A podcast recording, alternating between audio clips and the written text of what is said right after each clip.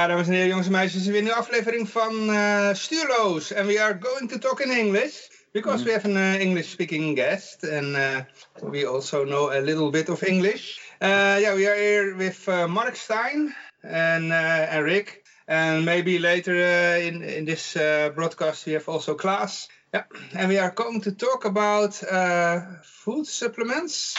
And the healthcare system and lifestyle and health in general. Uh, and Mark is a biohacker and health science researcher and, and the founder of OptimizeBetter.com. Please check that site if you haven't already, because there's a load loads of uh, nice information on it. Mark actually asked me for once if I wanted to join that, but I was out of uh, out of time. I had such a busy schedule, so I didn't at that point. But he still continued. So cheers for that. Yeah.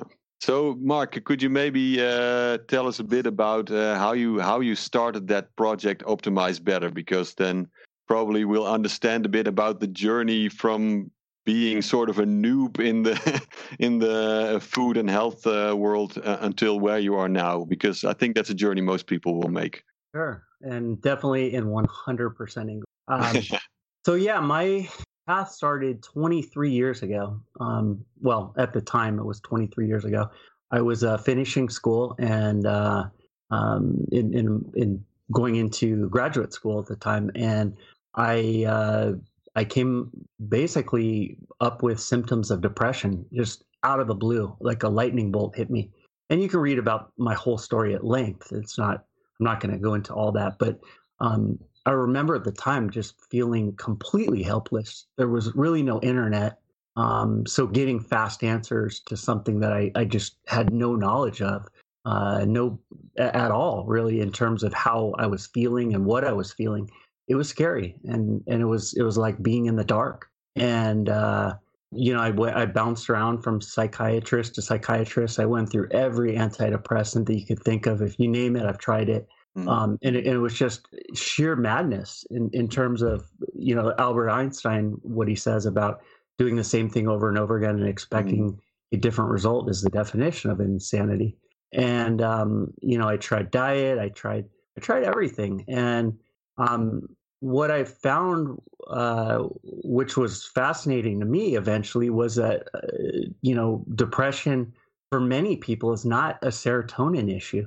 We, we think, oh, well, you know just push the serotonin button it's the magical button that means that somehow someone will ha- uh, be devoid of depression but that's uh, it has a lot of causes. And uh, i developed a lot of other conditions along the way and I, I was really sick and i was really sick for a long time. And uh, i basically launched uh, a biohacker interest by uh, generally speaking the failures of the medical system in as much as they simply treat symptoms and don't look for underlying cause. And that's what we always say in our group is is you know do you do you know the underlying cause? No. Okay. Mm-hmm. What do you think it might be? I don't know. Well, let's discuss it. Let, us let's, mm-hmm. let's see what we can find in terms of underlying cause.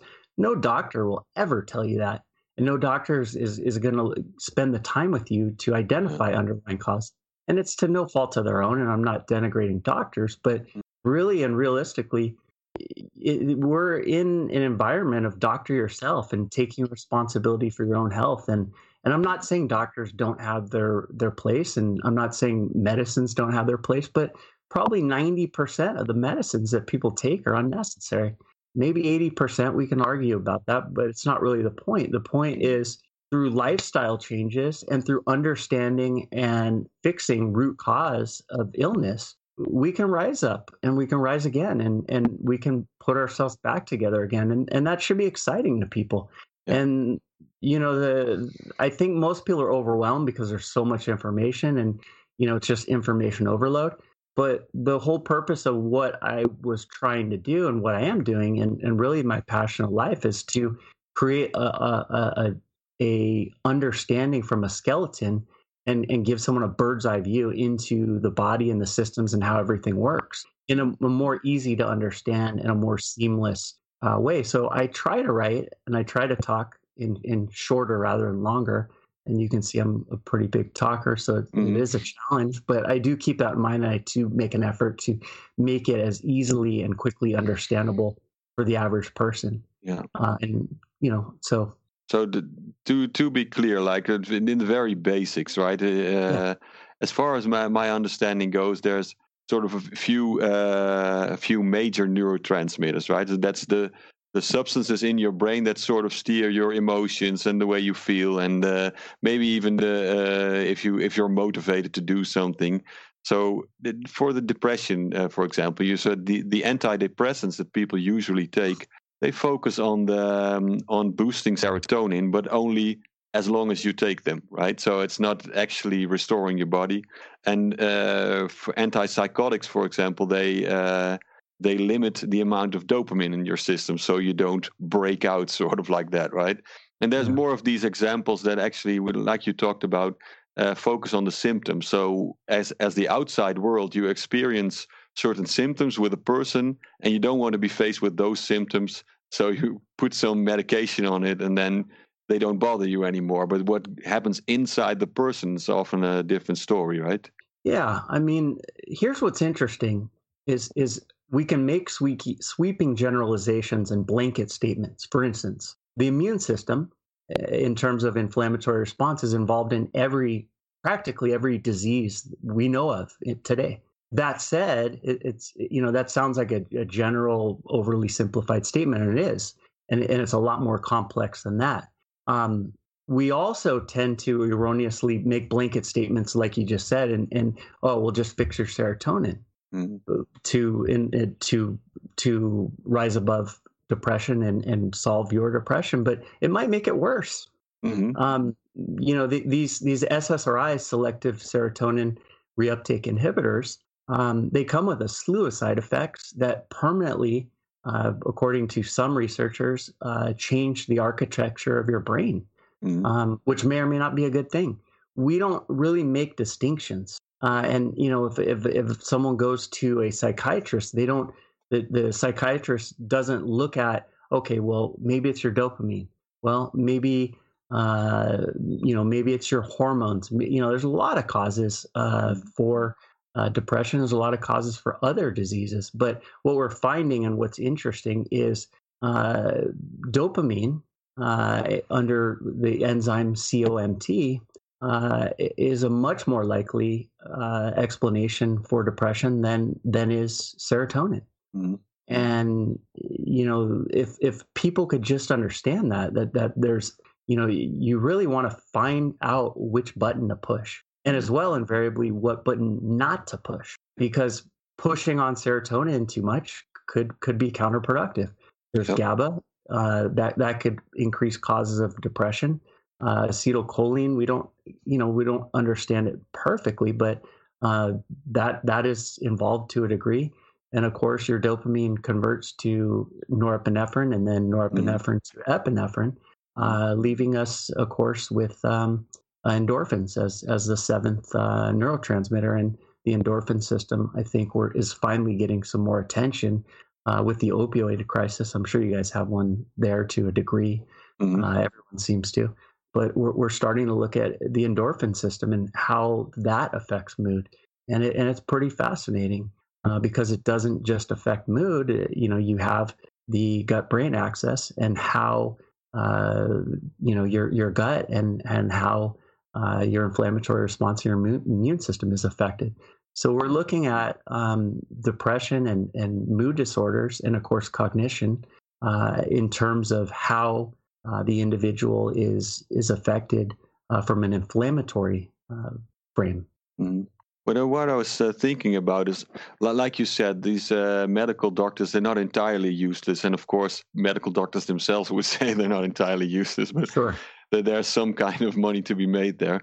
Uh, but uh, the thing I'm wondering is, could it be that it's an issue that they have a certain amount of time to actually spend on you as a patient, and then they're thinking, well, how can I help this patient uh, as efficiently possible in the amount of time that I have that will actually bring a solution uh, and will give some relief to the problems that this patient uh, or this person has that is coming to me. Yeah, and and I think that's a fair statement, and and we need to be fair, and we need to make distinctions because um, they do the best they can with with the tools and the system with to which they work under.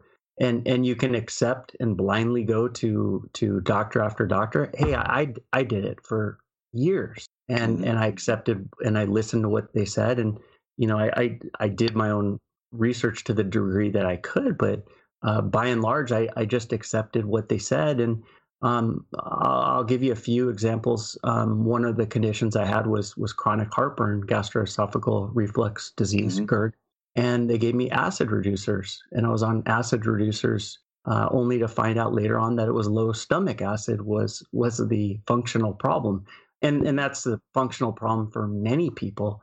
Uh, ninety uh, percent of non H. pylori. So uh, the exact opposite. You mean? So you didn't have high acid; you had low acid and that's and that's uh, one of the problems is medicine just doesn't generally speaking doesn't make distinctions everyone goes into the same box and that's highly problematic in terms of uh, you know best outcomes so i think uh, I, I, think there's there's a place for both, um, and there's a place for for medication. Some people need to be on them for certain things. We've abused antibiotics to a, a ridiculous degree to the point that we now wonder whether uh, and at what rate we have treatment resistant bacterial strains coming. Mm-hmm. And, um, you know, funny story uh, I'm in San Diego, close to Mexico, and one of the things they had to do there was actually change the law because people used to be able to get antibiotics over the counter. Uh-huh. And someone gets sick and they, they grabbed a antibiotic. And yep. that was just what how people dealt with uh, sickness. And the government had to essentially make it a controlled substance. So, in Mexico, an antibiotic is basically the same as as Xanax would be here, mm. and um, you know you need a prescription and and and all that. Which you know, anyways, um, I think it's important to to to understand your own chemistry and understand your own needs. And if a doctor can only spend five minutes with you, yeah, diagnostically in, in terms of blood work and whatnot, which you mm. should do, he, he knows that better than you. But in terms of you knowing your own body and you being able to uh, figure out what, what, works and what doesn't, and knowing that, for instance, you had a bad reaction to an antihistamine. Okay, so what is that telling us? That's a huge amount of information. And, and no doctor is going to say, okay, well, that means that. So, um, so accepting some responsibility within is, is, probably the new framework until we get better with genetic testing to where genetic testing can basically tell us exactly what we need to do mm-hmm. uh, in terms of an actual puzzle. Yeah, but then uh, you know, in, in the Netherlands, it's uh, it's the case that in the health sciences or in medicine school, like in like in university, they don't actually get that much of um, how do you say it uh, food studies. So they don't actually know what food does in your body or what the certain substances in the food do with your body or in interaction with the medication that they're actually prescribing.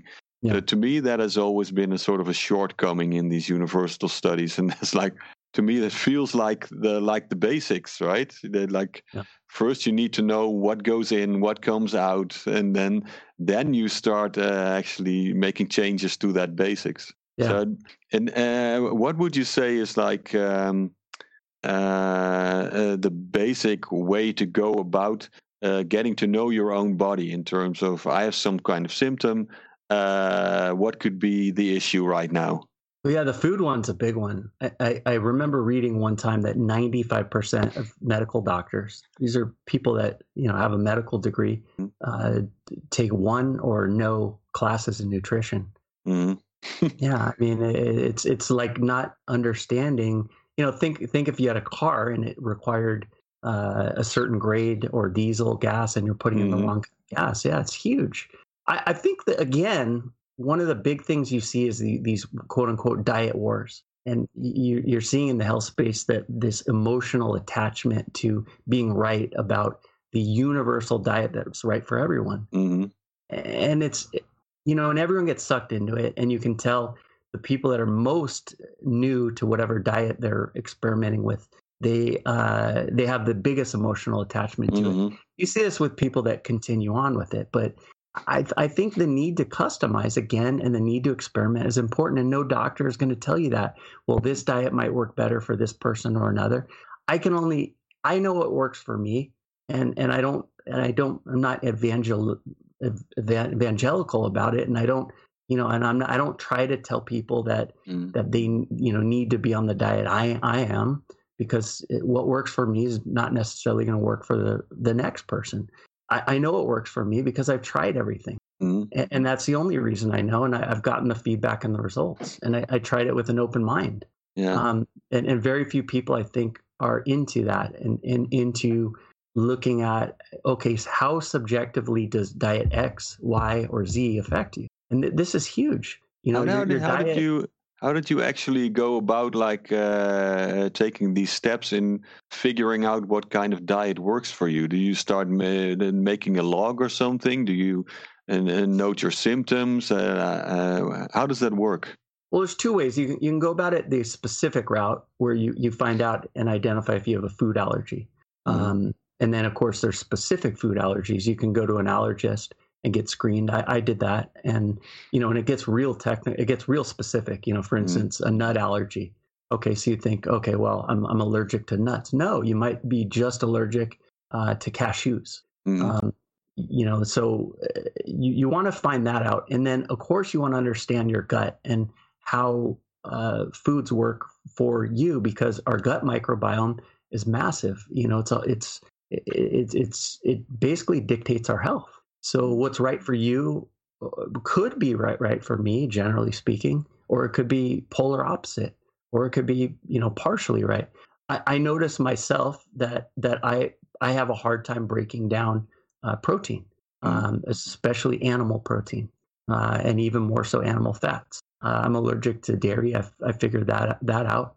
So it makes made sense eventually uh, to try a plant based diet, and I, I found that I, I have more energy, I have more mood today than I did, you know, half my age, uh, which sounds crazy and unbelievable. And um, it's not it's not a testimony to the quote unquote plant based diet. It's a, a testimony to the plant based diet, how it interacts with my gut microbiome Mhm. you know trillions of of, uh, of bacteria and this idea that that you know everyone needs to be on keto or everyone Mm. needs to be on vegan bull bs uh, and that, that that that can't be true you know I, i've seen people that get on my diet and they they put on uh, you know 20 30 pounds okay so obviously that's some feedback that it's not right for them Mhm. um, so I, I found uh, also that fiber, uh, you know, if there's anything universally true, Mm. I found that 95% of people don't eat enough fiber. And no matter what diet you're on, fiber Mm. could change your life because prebiotics, which is in fiber, it fuels and it feeds your gut microbiome. This is huge. So uh, this is this is something that anyone can do on any diet. And you know, people say, "Well, I'm on low carb or whatever." Mhm. yeah, that's fine. There's there's you know the fiber works really on any diet, low carb or, or uh, high carb. So uh, that and and the other big one is intermittent fasting, uh, Mhm. specifically for people like me. I, I later found out that I had um, basically a uh, what's called COMT. It's it's the enzyme that um, that processes uh, metabolizes your stress hormones, dopamine, of course, and dopamine converting to norepinephrine and epinephrine. So what happens is, and this is believed, of course, and and I believe it. Um, I'm open to evidence that shows I'm wrong, but I believe that, uh, and this is how you see people that can drink caffeine all day long, or Mm. part of the explanation. Caffeine is a catechol, which is uh, what your COMT enzyme uh, metabolizes, and this is why someone opposite of me could drink, you know, half a cup of coffee and they're and they have a panic attack. Mhm. Well, this could possibly be explained by their COMT enzyme uh, metabolizing catechols, uh, which basically affect dopamine uh, too slowly.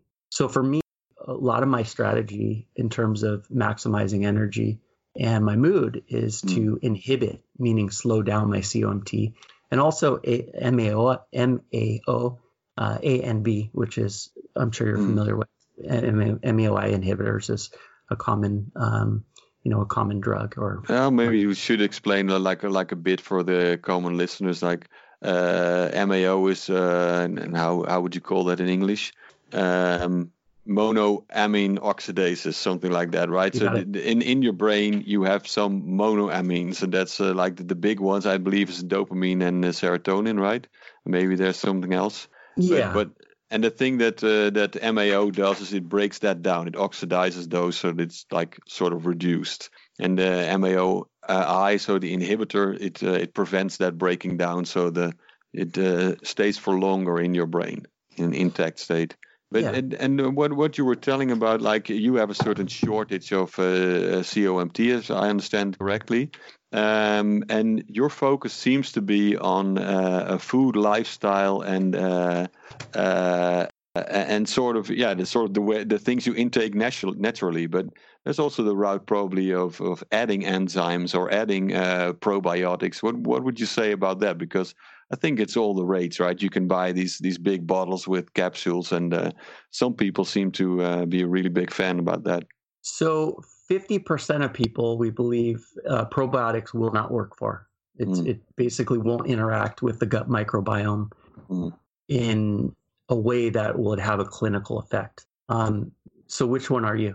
And I, I, I, I, I, I, took it for a while, and maybe what, what I discovered is that um, I, I took this large amount of strains, right? So 15 strains. Mo- mostly they, they only have one or two or four or something like that. So it's very few different strains of bacteria.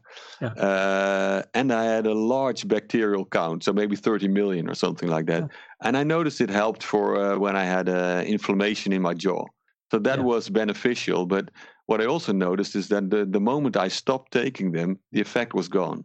Yeah. So it's sort of like your normal nutrition. You need to keep taking it and keep taking it. I'm also I'm wondering about uh, what the effect is uh, uh, on the natural production that takes place in your gut microbiome. So if, if the bacteria that are there naturally, how how they will be affected by these probiotics. Yeah, and that's a good distinction. Um, prebiotics in, in you know dietary fiber, and of course there's soluble and insoluble fiber. Uh, prebiotic is is generally considered the best form in terms of uh, your gut bi- microbiome being able to benefit from. Um, and and and I think uh, that's I, that and that's fundamentally how I feel, and it's a big part of um, controlling my mood and ener- energy. Uh, and and here's an interesting thing. Uh, and you were talking about you know the, these three enzymes. They the speed to which they uh, metabolize your stress hormones um, or catecholamines, which would be dopamine, norepinephrine, epinephrine, and of course estrogen is involved. Uh, and, then on the other side, MAO, MAOI, uh, MAOA and B, uh, which is serotonin, then and then serotonin with the three uh, stress hormones. So the faster it, it clears, the more, and this is just, you know, no one can prove this one way or the other. It's just a theory I have. Uh, and again, I'm open to being wrong about it. Mm. But the faster it clears, uh, genetically speaking, in terms of how the genes express themselves, the worse you feel. So if it clears really fast, that means essentially uh, low dopamine activity. And that's when people say, I have low dopamine. Well, it, it's not necessarily that, and again, this is my belief that you don't have that you have low dopamine activity, and or you have low activity, low dopamine activity in, in a certain part of the brain, but it, it's your enzyme uh, clearing it and metabolizing it too quickly. So if it invariably clears it too fast or too slow, again, this is an untested theory. This could potentially explain anxiety and Mm. other, um, eh, you know, glutamate-oriented uh, disorders. Um, For for know, the listeners, uh, glutamate is sort of the main uh, accelerant in your brain, right? You just makes you uh, if you have too much of it, you get very hyper, so Yeah. hyperactive. Yeah. it's like Goldilocks. You know, you you want to Yeah. be just right with. You, Mm. you don't want you don't want um, you don't want your dopamine to, to be cleared too quickly, and you don't want it to be cleared too slowly. Both are not good, and they and they produce different effects. And probably So the answer is uh, that is that the, probably the answer is then in an enzyme uh, if uh, if your theory is correct, and and not in some sort of medication that is prescribed at this moment. Could I mean you know a medication can can slow down dopamine. It it can also um, you know do the opposite. Um, fight again, and and I think this is where we we tend not to make distinctions that harm us. 5-HTP, you know, suppresses dopamine, and people take it thinking, well, uh, you know, and this is amino acid, of course. Um, you know, well, I need 5-HTP for depression. Maybe you don't. m- maybe it's making it worse, especially if dopamine is is your problem. If dopamine is your problem, yeah. But uh, then again, uh, the, and maybe most people don't realize it, but serotonin and dopamine are in a sort of a balance, right? Because they also make use of the the same cofactors, as we call it in this kind of this this area of science, for example, right? Yeah. So we we talked about that at length in our private discussions, right? Is this uh, the B6, magnesium, zinc, etc. And uh, those cofactors, those substances that are maybe normally in your food if you eat the right foods, or maybe in your supplements if you need to supplement them, they run out at a certain point if you if you produce too much of one type of uh, neurotransmitter, and then the other just gets produced less. So Yeah. that's why these serotonin and dopamine are uh, in a, in a balance, right? And you need to figure out what kind of uh, balance you want and, and what the problem actually is before you start supplementing very vigorously in one or the other direction. Yeah, and I think um, you know, again, it's it's not we, we tend to make the overgeneralization that you know dopamine and serotonin are opposing each other, which they are and they're not. Mm. Um, there's a relationship, but it's not that simple. So again, um, it's it's important to understand, and and it's important to figure out what works best for you, and and that's something that I I, I stress. Uh, you know, if you've been going to a psychiatrist for 10 years and and you're getting nowhere maybe it's time to look you know for other alternatives um, you know and of course people would slam someone saying this that that's irresponsible and Mm. you know they need to do everything under the care of their doctor Well, let's let's talk about how, how you would go about this in a sensible way. Like how how could you be like uh, cautious and prepare yourself really well before you actually start ordering I don't know what type of supplements through Vitacost or whatever site you like. yeah But like first prepare yourself and then how would you go about this? Like like the very simple steps, basic steps. What? well you, Yeah. you we were talking about earlier start with diet first start with Mhm. lifestyle first um, it's not as sexy and and people Mhm. are generally going to go f- not going to they're going to ignore what i just said and Mhm. uh, even though it's there's a lot of truth in it uh, Mhm. because it, it again it's not as as fun and they go right for the supplements i get it i, I Yeah, I'm, yeah. you know i mean we're all like that to a degree uh, but it's Li- Uh, like we but say in Dutch, uh, spruitjes eten. Like you have to eat the how do you say it? The small uh, sprouts, sprouts. sprouts, yeah, Brussels sprouts, yeah. Uh, yeah Yeah. yeah Yeah. yeah It's a pretty, pretty, pretty boring for most people, but like uh, eating whole whole grain foods, for example, or eating those uh, eating the right amount of vegetables, that that kind of thing, right? And so normally the green vegetables or cauliflower or broccoli, they would have magnesium and all kinds of uh, interesting nutrients in them, but like you said, it's not very sexy to advise somebody to actually eat 200 grams of, of vegetables each day and just keep on going with that for the rest of their lives, right? yeah yeah for sure well i'll give you um, from from a perspective of slowing down dopamine slowing down the the product the the clearance of dopamine in the body um, you, you know in, in, inhibiting it uh, there is a diet that that works for it um, so I think here's a here's an easy question that someone can can ask themselves that you know has some sort of truth to it. How does caffeine make you feel? Mhm. Now, our liver metabolizes caffeine as well. There's a liver enzyme, and it's not just the enzymes that we've been talking about. So, um, going from that, you know, how do berries make you feel? How does green tea make you feel? How does how do bananas make you feel? How does how do you feel when you do intermittent fasting, which everyone should try, and um, it does raise dopamine. Um, how does protein make you feel? So th- those are generally the the you know the the strategies. Cocoa, obviously. Um, you know, do these things make you feel a lot better? Uh, and if, if they do, that that is that is telling us. You know, it. Do you get a panic attack after take after having some caffeine? Okay, dopamine. You might have you might have too much dopamine, and you, your body might be clearing it too slowly. So the opposite could be true. Um, so uh, for me, again, I, I watch fiber and I do intermittent fasting, and I, I'm mainly plant based. That that is are some of my keys. I'm not suggesting that this is right for everyone, and, and absolutely not. Uh, but it but it might be, and it might. I, I think fiber could definitely help some people. Now, here's where it gets tricky. even though I do intermittent fasting, protein um, stabilizes uh, dopamine as well.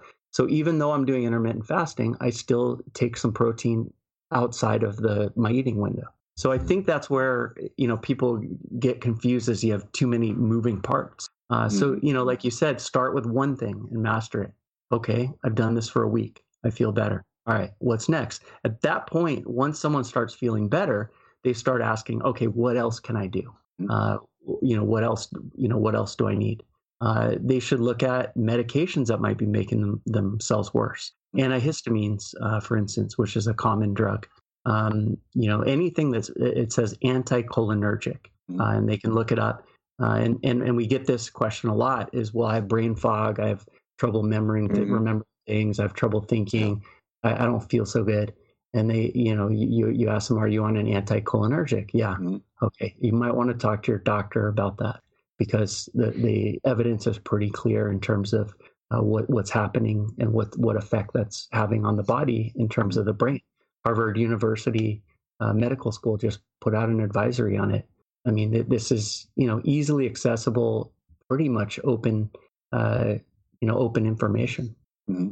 Yeah, like the, and the um, antihistamines you're talking about that that would be medication that people commonly take for hay fever, for example, right? Yeah. or like if they have a con- continuous itch on their body, something like that. So that's in that's indeed in the Netherlands as well. That's a pretty common uh, common medication. And I Xanax, a, Valium, yeah. Uh, yeah. even even like you guys have Tylenol. I'm sure Tylenol PM. Mm. Um, you know all all of these medications that uh, you know that that that are either antihistamine or anticholinergic mm. uh, are, are problematic to the brain. Mm. So, um, so you know, things that we're doing could be making ourselves worse. It's not just a matter of what's not in our body. Yeah. And, so, and, so yeah, so so uh, lifestyle-wise speaking, right? Um, yeah. There there could be. I think this is also on your website, right? There's something with the uh, rhythm you have in your day, like uh, how many hours do you work, how many hours do you sleep, uh, what's the kind of uh, uh, exercise you do, for example. So, what would be your take on that? Like the influence that has on the neurotransmitter levels and the the way it makes you feel. Well, I mean, sleep is a good one to start. You know, we all need different numbers of sleep. Um, some people need more, some people need less, some people need a lot less, mm-hmm. some people need a lot more.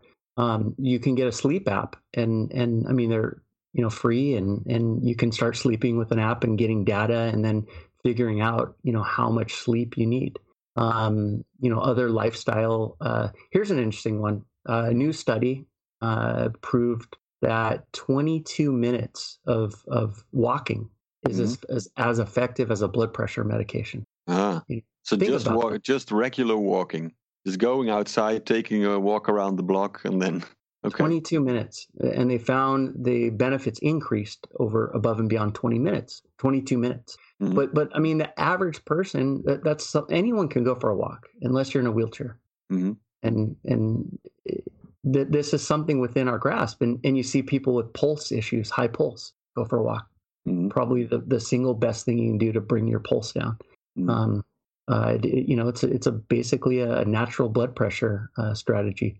Uh, Wim Hof breathing, that's another one that I think especially for people with anxiety. It, it gives them, again, this is a theory. Um, people that have anxiety, and I, I don't experience anxiety, so I'm, I'm, you know, I'm, I'm trying to imagine how the neurotransmitters of someone uh, and and someone's subjective experience of anxiety feels. Mm. Uh, it, it, allows them to have that feeling of being in control mm. of not just their breathing but uh, their chemistry. And uh, um, you know, and, and, it gives them a sense of confidence as well. Within the Wim Hof breathing, they they do the Wim Hof method. They do cold showers. I, I and I do both. Mm-hmm. And um, it, it, sounds bizarre um, taking a cold shower, but I can tell you it feels amazing. And uh, they become addictive after a while. And I can give you a tip on how to make these easy. But um, that, that's how, how do you make them easy? Because I've I've tried this right, and I I I get to lukewarm, but that's about it. So, um, Wim, if, if this is, uh, and and who am I to disagree with the maker of the method? But he mm-hmm. says, you know, you just, uh, he says you just turn it on full blast mm-hmm. uh, to to cold, which you can do, um, and, and, that's that's a that's a that's a possibility. I've found you you get in there, and I found that the the best time to start doing this is when it's not cold. You, you guys obviously have a cold winter there. I mean, it doesn't really. It's a joke. What what we consider cold in California, you guys would probably laugh at. Mm. Uh, but I, I tell people start the, during the summer when it's warm. Mm. Um, I, I you know, perf, and, and it you know it takes a, a, few days to get used to it. Mhm. But um, you you you make sure the bathroom is warm. So if you have a heater in there, turn on the heater, uh, especially during the winter.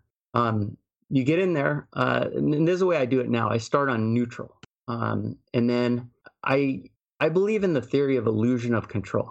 Mhm. So if your body feels like it's in control, it it it it'll it so you're tricking your body to get used to the cold Mhm. cold a lot easier.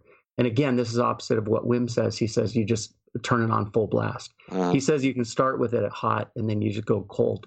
But I think it's too big of a contrast. What what I do is I I, I do neutral and I, I I soap up and then I'll step away and I put my head under the shower. I still do it this way.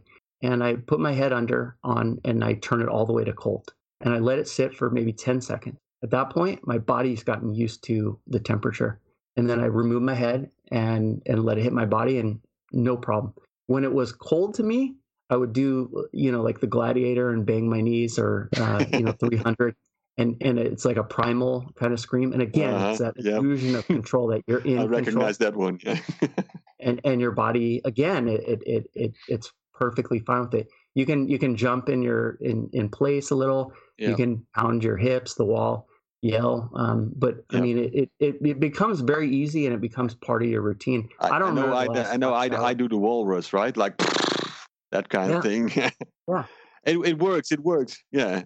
I, I had to do um, this for uh, because uh, I I had, my boiler was broke Mm. and I really need to shower every day. I, Yeah. I cannot live without a shower uh, Yeah. once once a day uh, at least. So uh, I had to go to my work, and yeah, the boiler was uh, didn't work. So uh, yeah, then I had only one option: take a cold shower. Yeah. and you, you get you get uh, used to it very fast. Uh, oh yeah yeah. Yeah. But then for the for the advantages, what what uh, what does this do for you health wise? Well, first and foremost, because we are in the coronavirus, if, if you have an active infection, not just a coronavirus, but if you have cold, uh, you know, the flu, do not do this. If you have an autoimmune disease and, and you're, you're, it's currently flaring, do not do this. So, you know, this, this is a strategy to do when, when you're uh, not, when your immune system is not compromised. And it, it basically builds and boosts your immune system.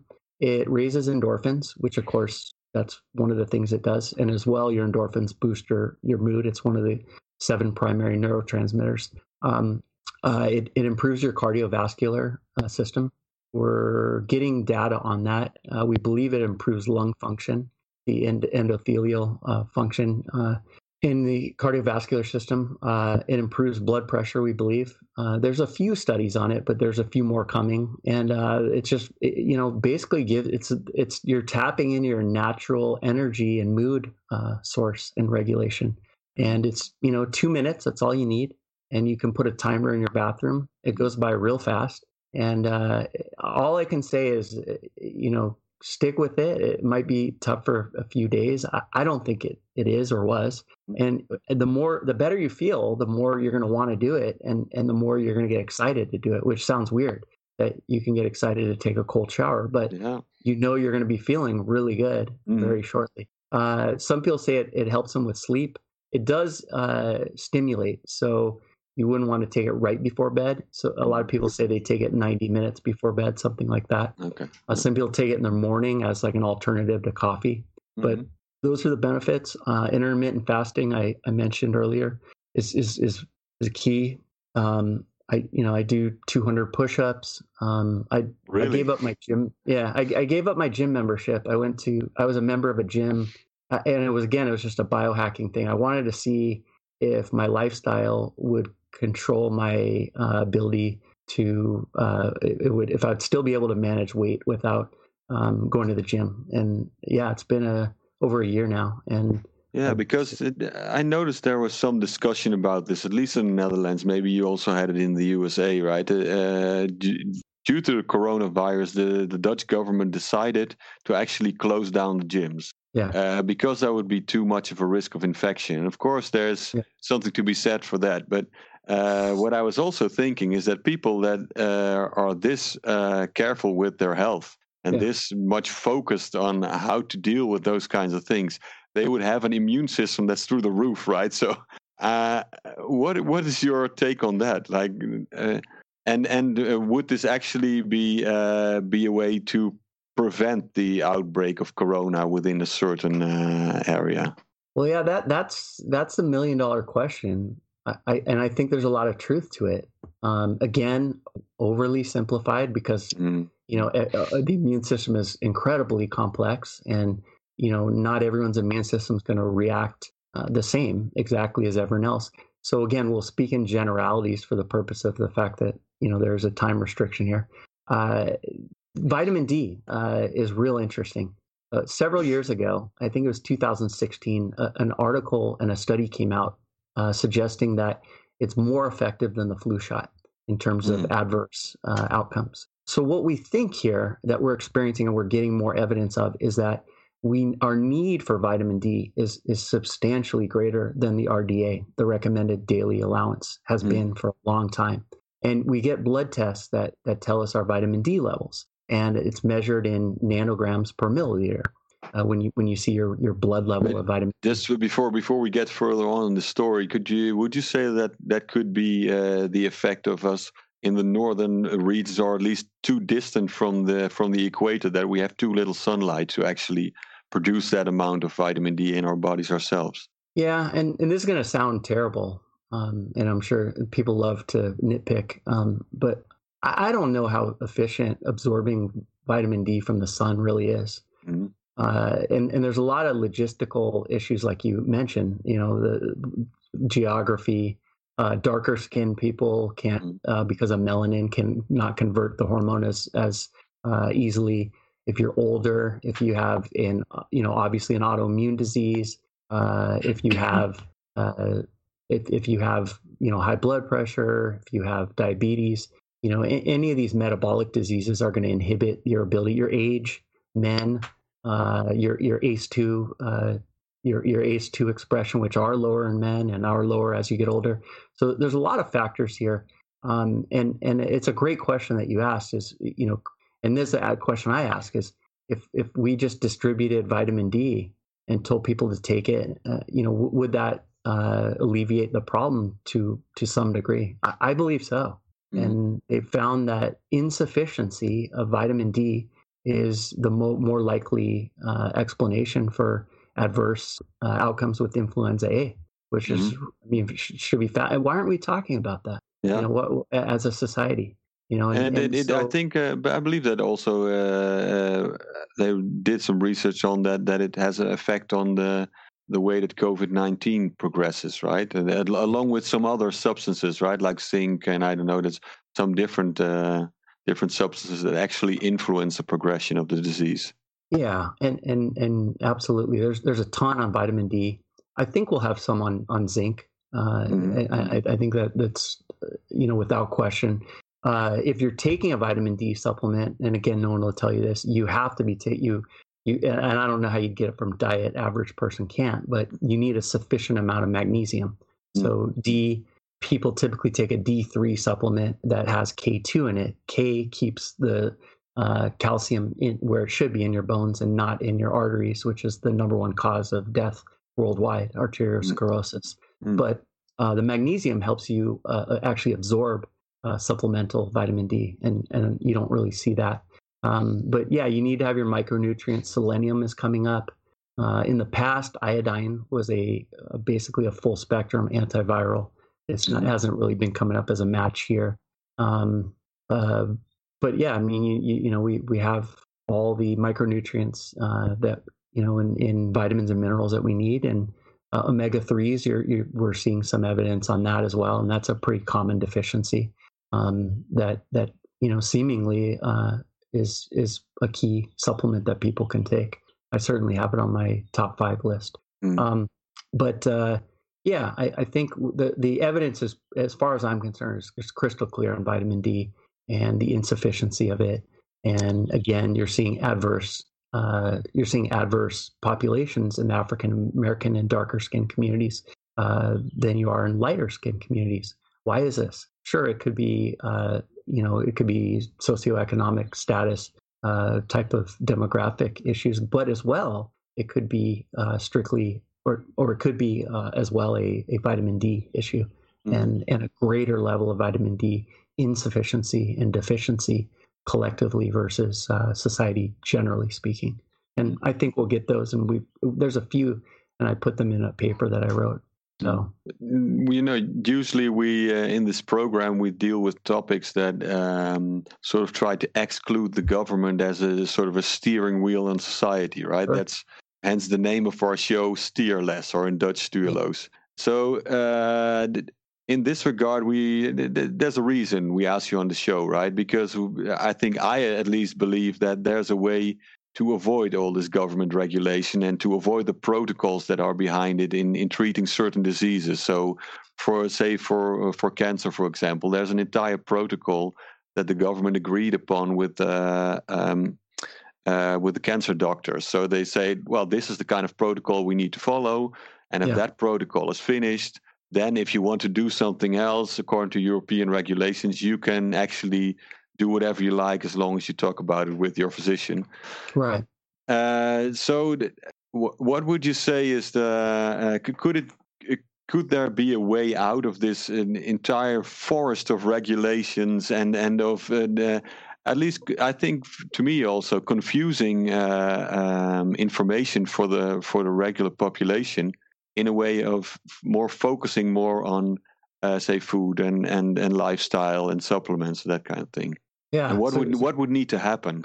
Uh, yeah it's it's a great question and and i think we have a few factors here. Um, one is again we need to get better at making distinctions. You know not not all doctors are bad not all medical services are bad uh, if, if, you're in an accident or giving live birth uh, mm. there's no better place to be yeah. we need that we mm-hmm. absolutely need that. And and and and again, you're in their hands and you're, you're trusting them 100% and you're on your own. One of the reasons for health obviously is to to as as a great a degree as possible try to avoid being there, of course, short of live births. Mm-hmm. Um, or, or an accident. But you know, we, we want to take care of our health so that we aren't in the emergency room. Uh, that's not a good place to be. And uh, at the same time, personal responsibility, I, I, think, is, is is the only way out of this. We had a, a, a law called Obamacare. I don't know if you guys read it. It was basically an attempt to change our medical system, and eh, you know, it was heavily politicized and you know, back and forth, and um, a, a lot of ideology in it, and and it's it's missing the point. There is not enough. There will never be enough government health care, never for for for what we're experiencing the United States is 33 pounds, 33 pounds heavier than the than than than the rest of the world. That Check would be me. like a, that would be like a, sort of if you carry the weight of an infant, maybe four year old uh, around all day, right? Yeah, like every single person in society.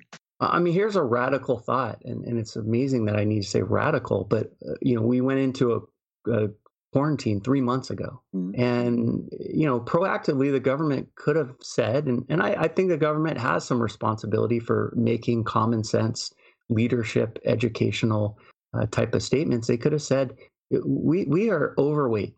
And when you're overweight, you you are immune compromised, period. Mm-hmm. Uh, you, you are now at risk uh, of, of an adverse outcome of this virus that, that a lot of people are afraid of. Do something about it you know, in, instead we probably gain more weight staying indoors and, and not mm-hmm. exercising and mm-hmm. eating garbage food and uh, but but I, I don't know I don't I don't I, I know for a fact I can say that there there will never be enough government health care for what we're experiencing and and for an obese uh, society that doesn't uh, seem to want generally speaking take care of themselves and uh, at least their own health I, I there, yeah there there is no way out um, I, and I, I don't. I mean, education is the only way, and and getting people to realize uh, that that that you know they do need to participate. They need to take responsibility for for their health, and uh, but at the same token, you have to want it, and and you know, Dr. Saul, who uh, was an early influence of mine, that's what he says in the documentary, uh, great documentary called Food Matters. And he says, you know, you have to want health. You have to reach mm-hmm. for it. You have to grab it. And and if you don't want it, how how can I? There's nothing I can say. But you've experienced like this period before Obamacare, right? And uh, like the, to come back to your to your earlier statement that there will never never be enough healthcare from government. And uh, I believe there's a sort of the effect in that that um, uh, the more government takes care of people, the more people become dependent on the government sure. for that care. So they'll be more and more and more dependent, and it will require will require an increase in government every time.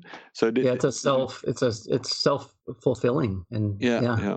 And then to go back to the period before Obamacare, because I believe there was a the, in Dutch society some people frowned upon that, right? There was a large part of your population that was not insured for healthcare. So how did it work in that period? Were people more mindful of their own health, or did more people die, or what happened? Well, again, this is where distinctions come about. You know, it, it's it, we we tend to think in America, and Americans de- definitely think black and white. You know, all or nothing. You know, we're we're we're extreme left, we're extreme right, and that's generally the battle that we have now. Um, it, it shouldn't cost you, you know, thirty thousand dollars to go to a hospital. Mm-hmm.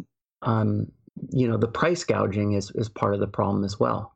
Um, you know, so so it's people need to do their part to to not run up the costs, and and the costs will always be run up when you have people that are generally speaking on an aggregate more sick than than they mm-hmm. were before, more fat than they were before, less healthy than they were before. Um, you know, and again, now we have the opioid crisis. Uh, we have uh, depression is still rising. Uh, we, we have done nothing with it, and, and we, failed in terms of bringing down the number one cause of disability worldwide. It, we, we, you know, no innovation, generally speaking. Uh, and and so all so you have the price gouging combined with the lack of personal responsibility, combined with um, you know the the the disease uh, increasing. So it's so, sort of a perfect storm. Uh, to say that people are taking more responsi- less responsibility now versus before, I, I don't, I, I wouldn't say that. And I, you know, again, I mean, it's just an observation. I do notice, and I go for a walk every day, um, and I recommend that people do do that. It's one of the mm-hmm. best things you can do. I, I notice more people walking, um, but but is this a, a, a short fleeted trend that in you know in America's big on trends? You know, they, they get all excited about one thing and then three weeks later you, you don't hear mm. about it we, are big on that jumping cart from one to another I, I don't know. I mean something has to change because because it's unsustainable and it's long since unsustainable and it's a huge part of our gdp so it, eventually will cripple our economy mm. at the rate we're going. But you know it's not popular for a politician to be saying what i'm saying and i think you alluded to it. And i don't think you're going to have a politician saying hey guess what we need to do starting next month? It's it's lose 10 pounds a month. Uh-huh. Wrong answer. Wrong answer. But but it would it would make a it would make a massive difference. Well, but then again, that you uh, you know uh, in the beginning of this whole COVID crisis in in the United States, uh, Trump Trump said, well, in in in rising degrees of taking it more seriously. But he started out with uh, with saying, "Ah, this is nothing. It will blow over in a week, and nobody will talk about it ever." And now you're over hundred thousand deaths. So how does your uh, the own responsibility of people come into play here? Because we've we've we've lost my really close friend. He says we need to take back the middle. And what is the middle? It, it's it's using ration, you know, reason, common sense, you know, and, and the and the fact that everything's been politicized. You know, you, you can't say a thing without it turning into a political conversation, which has nothing to do with what we're talking about. You know, we, we all breathe air. Mm-hmm. You know, we, we all drink water. We, we share a lot of things in common. It, it, the, we don't need to turn it into this red team versus blue team kind of uh, commentary all the time. Mm-hmm. And that's that's basically what we've done and where we we've gone as a society. And and we need we need you know we need uh, political parties like yourself that that that is alternative to mm-hmm. the the two. And and we can't and hopefully, you know, someday we'll we'll have a viable third party, and that that that to you know go all the way back to your question. That's probably the only solution to to where we're at, and and and yeah, we the fact that we we, we just go from extremes. You know, we had a, a bank crisis 15 years ago. Well, not that long ago. You know, we used to lend money to anyone. You could fog up a mirror. You you could get a Mhm. loan for five hundred thousand dollars. Well, it crashed the economy. How do we respond? Polar opposite. You need to prove without a shadow of a doubt that you have never needed any type of funding for of any kind Ah, that you can qualify for the funding that you will always be able to qualify for the funding mhm. and that and that and that you'll never not need this funding even though you're asking for this funding Mhm. ever again. And it just it- this this bat this this swinging to the opposite extreme of these absurd positions and and collective absurd positions it, it needs to it needs to simmer down. Um, w- with choice and, and with, have, with having a viable third party this could potentially bring it about and this could potentially bring about change. But but you know there there's several factors going on. Yeah to just like um, see it from a dutch perspective. If, if dutch people look towards the united states then mostly the, the people would vote democratic party right? But if you if you look at like the um, uh, the political programs of both parties to me as a libertarian they both seem like different shades of purple instead instead of blue and red right so it's it's a choice between two shades uh, of the same party uh, and it's yeah it's sort of a weird weird battle going on between and like the same as as we you have in in China which would be uh, cursing in the church almost for for American people right but Yeah. in China you you also have one party the Communist Party and there are different factions uh, within it and they Yeah. seem to have a lively debate but in the end the outcome is communist and in the, to, for a large to a large extent that seems to be the same in the United States you have two parties they disagree on some points but mostly they have the same outcome more or less yeah a, a real easy thing to think of and consider is pharma the pharmaceutical association Mhm. they they own every single politician Mhm. doesn't matter they, they they cover all bets they hedge all bets Mhm. And they own every single politician.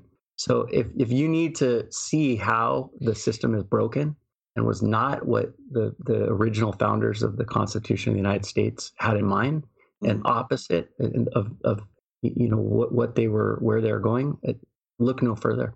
And and yeah, I mean they're they're they're they're basically the same except for a cultural difference. Uh, and and there's a culture war that was started a long time ago, and and and that's basically the, the the predominant dominating theme.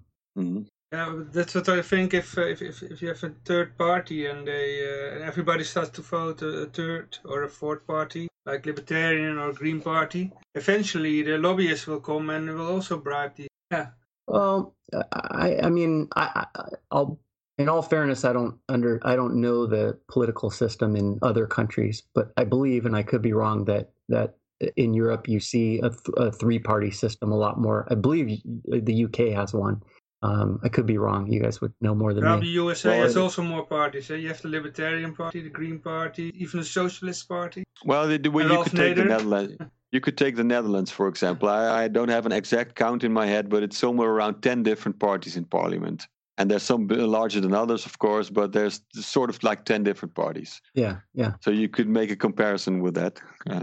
Yeah, I mean, we we the, we have two basically that that that dominate. Uh, yeah, there's other parties, but i- until they get to a fifteen percent is was I think what I last saw a percent of the vote. It- It's it, we basically have a two party system.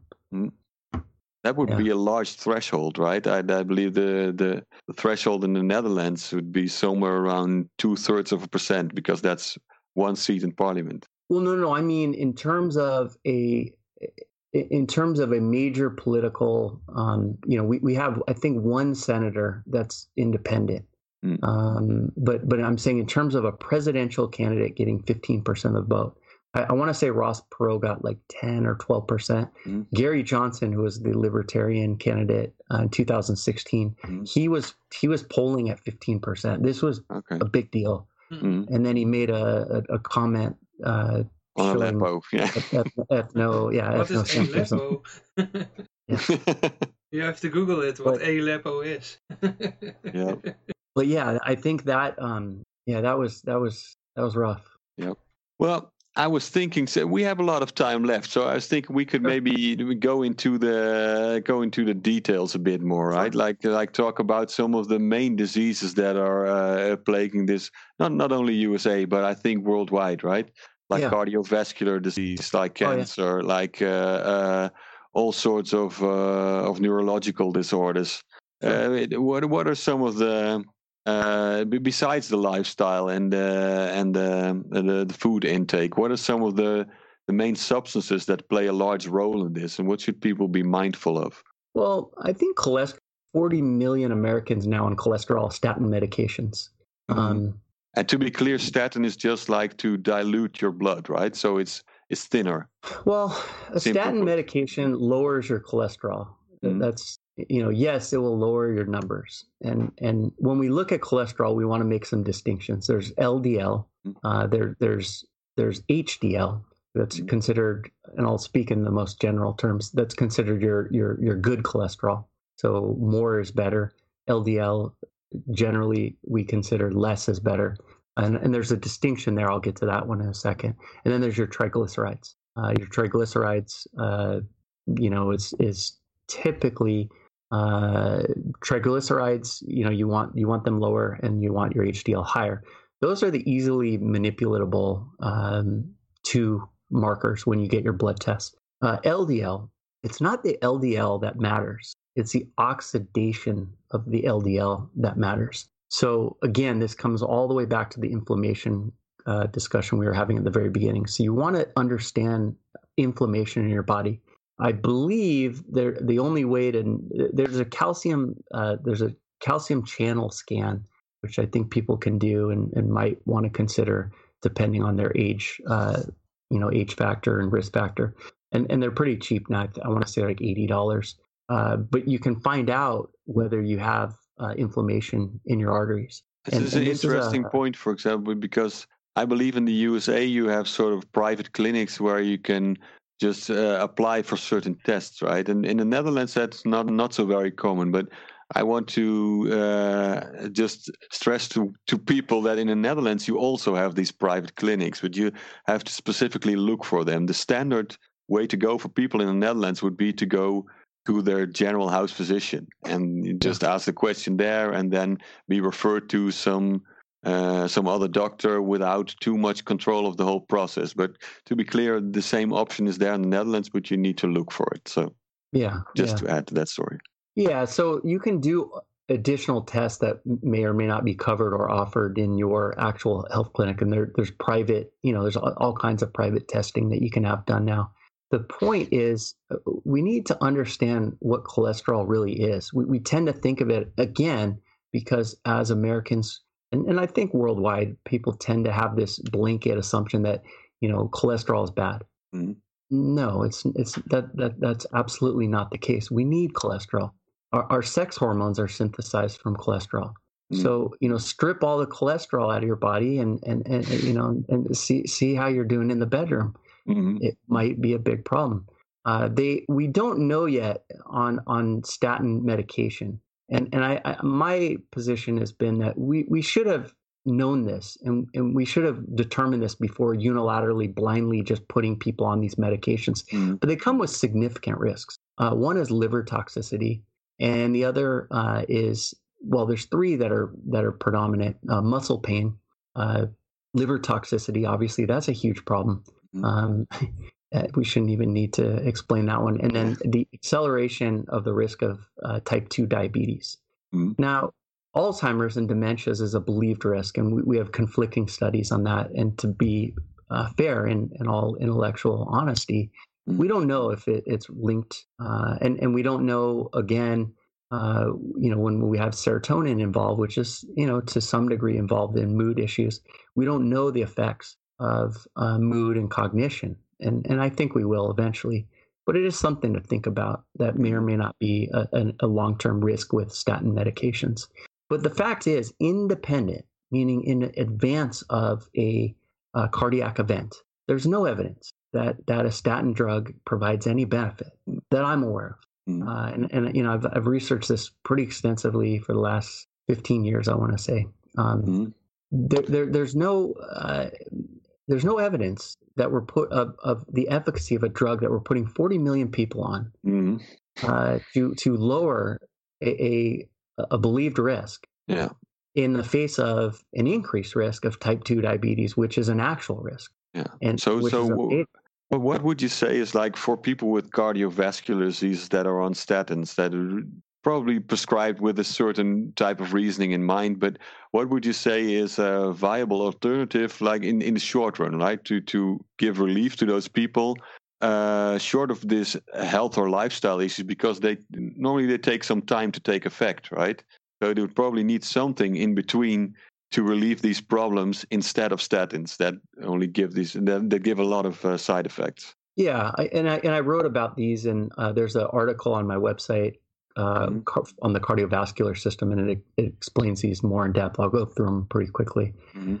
Um, again, we mentioned 95% of them, of people don't eat enough fiber. I think they get 50% of their fiber needs. Mhm. This is, I mean, right there, there's a problem. Um, of course, you know, obesity is is is is of issue. Simply walking can be efficacious, but niacin, uh, niacin is vitamin B3 Mhm. uh, in the flushing form, meaning the one that turns you red. Now, don't take the full dose at, all at once. You have to build up, otherwise, it's going to be quite uncomfortable.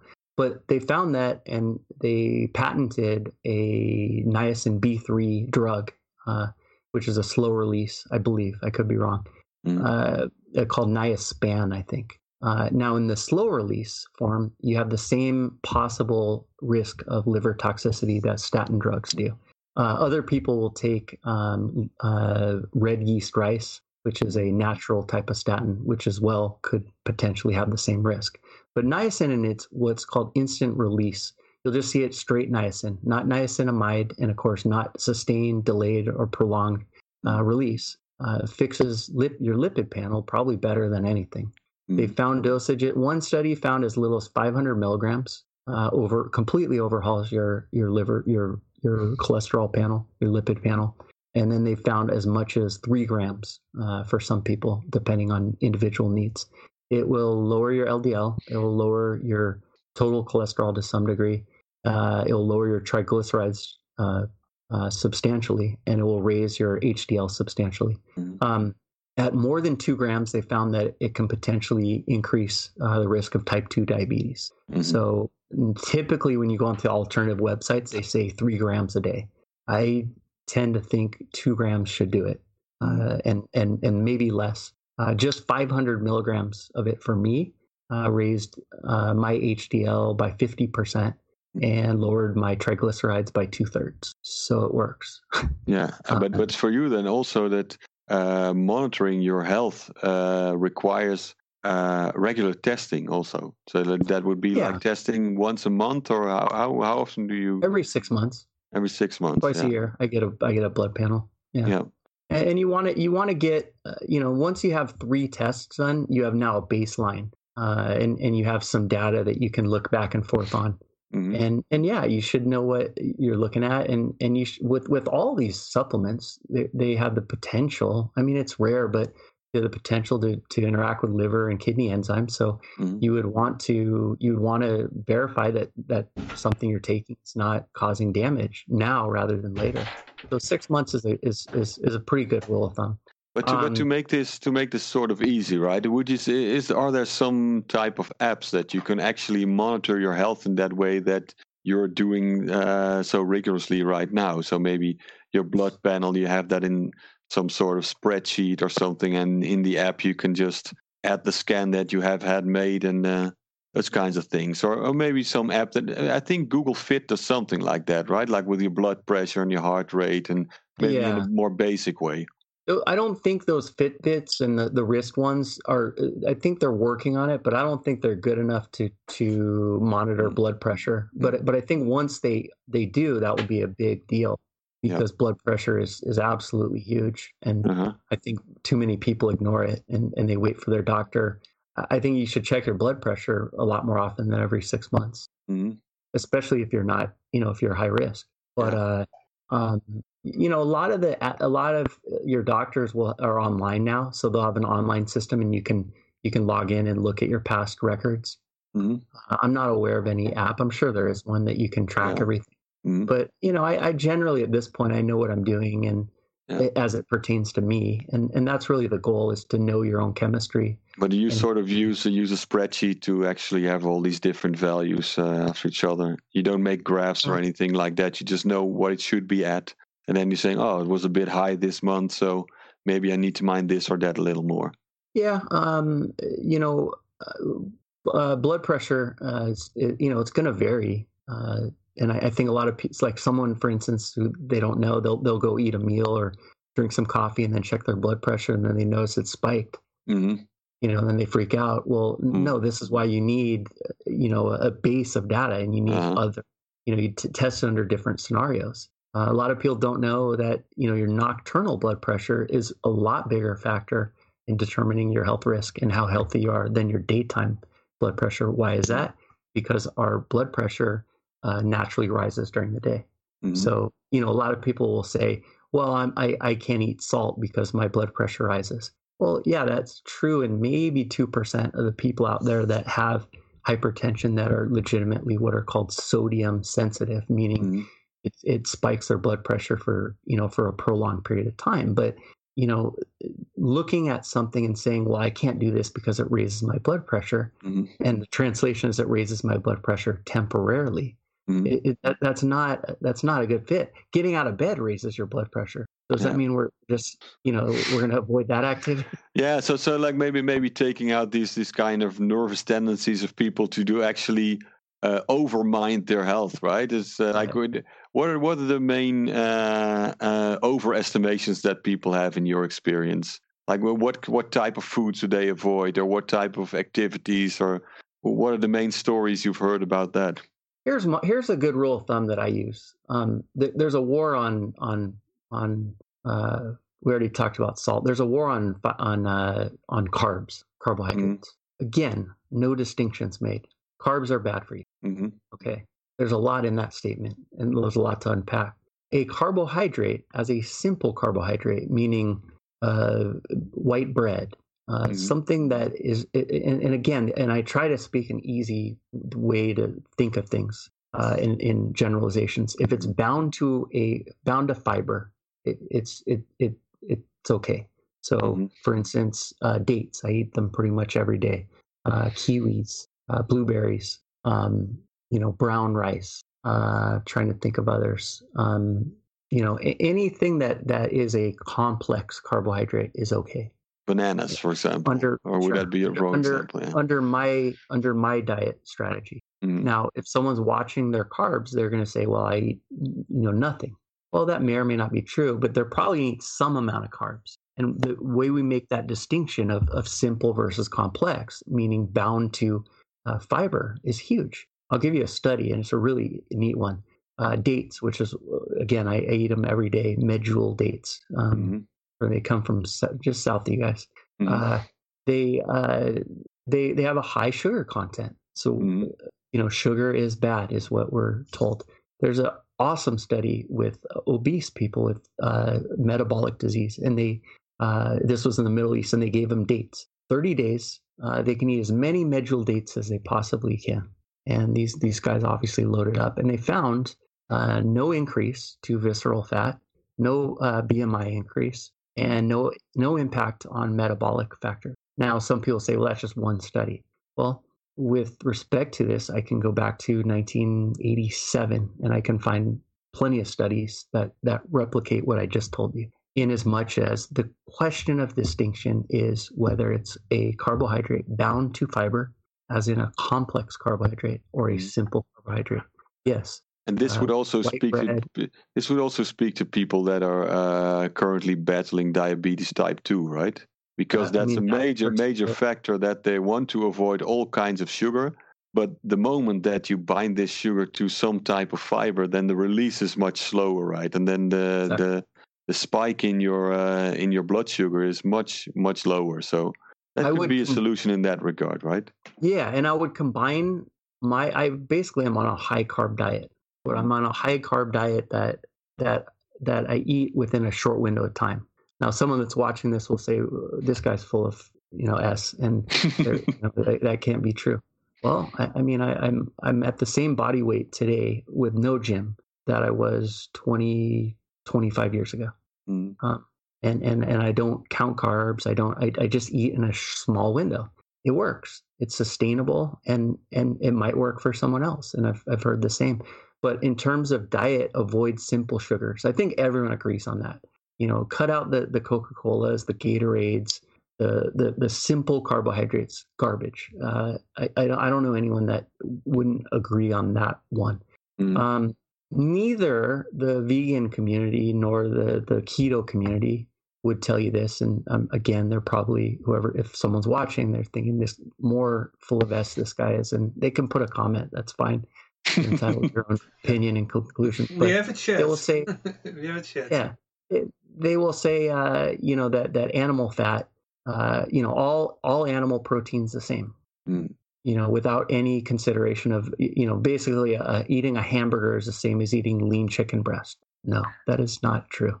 It's also maybe just to, to get a little bit into the details, right? Probably these people have heard of, of chemistry, right? And of biochemistry and of uh, proteins being built up out of certain atoms and certain submolecules, if you would like uh, to put it in that way. And proteins is just a family of really, really large amount of different types of molecules, right?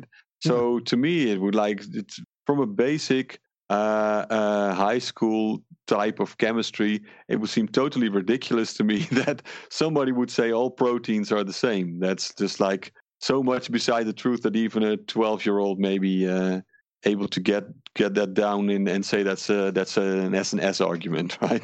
Well, you get why they say this. I mean, there, there's a ideological um, justification for the. I mean, if you're only eating animal products, you know, Mm. you want to avail yourself to as many and all that you can. I, I believe, like true keto, it only cuts out cold cuts. I could be wrong, Mm. but I believe they eat everything else and as much of it as they can.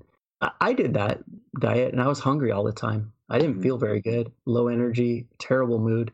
Um, and, and there's nothing worse than eating a big or what you thought was a big meal and 90 minutes later you know opening the fridge in some sort of weird uh, you know scavenging for something else to eat Uh, it Mhm. sucks being hungry so um but but yeah I, I think if you can cut if you can lower your animal fat content and, and i eat seafood still um i don't eat it all the time but i probably eat it two to three times a week one to three times a week uh, and and I, and I do fine with it. Um, and you know, again, the, these guys like to say, "Well, well, seafood is meat." That is true. I'm not saying it's not.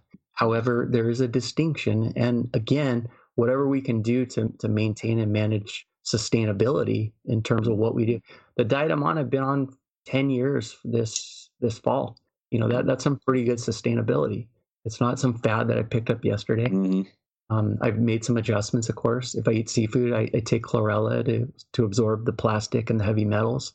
Mhm. Uh, and you know, and, and you always want to uh, you always want to adjust and make adjustments that are that are subjectively, individually needed and necessary. Yeah, well, I would say the, the same goes for me, right? I've been on a vegetarian diet since I was 16. Well, I'm almost 43 now. Yeah. And people always keep telling me, well, isn't there something that you're missing, right? You just, Right. I, I missed a piece of meat on my plate, right? And I'm like, well, I, I survived for 27 years, so, so probably I'm doing something right, right? Right. Right.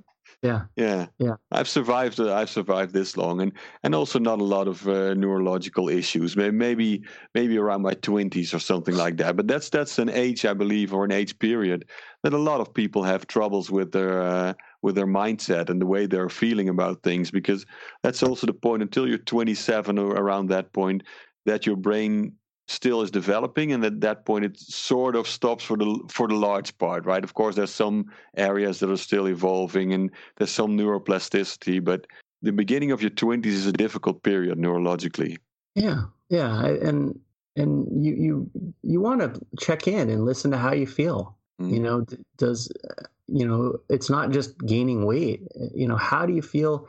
I, I meet a ton of these keto guys that that have anxiety disorders. I know why but are they interested in are they interested in in here no? All right. Mm. well I, I, good luck managing the yeah symptoms. yeah yeah. It's very very difficult to uh, to actually give information to people and have them absorb it if if they're not really open to your uh, to your answers. Yeah, right? so it- that's that's something I learned long ago. Just if people are not interested in your story, then it's useless to just Yeah. tell it, right? Yeah, yeah, and and so yeah, I mean, I, I think, and this is what I tell friends. They, you know, they they they say, well, you know, I, I don't want to, for instance, give up meat altogether. Mhm. Uh, I don't want to give up, the, and and and I, you know, no one again, no one will tell them this. I say, great, don't, and Mhm.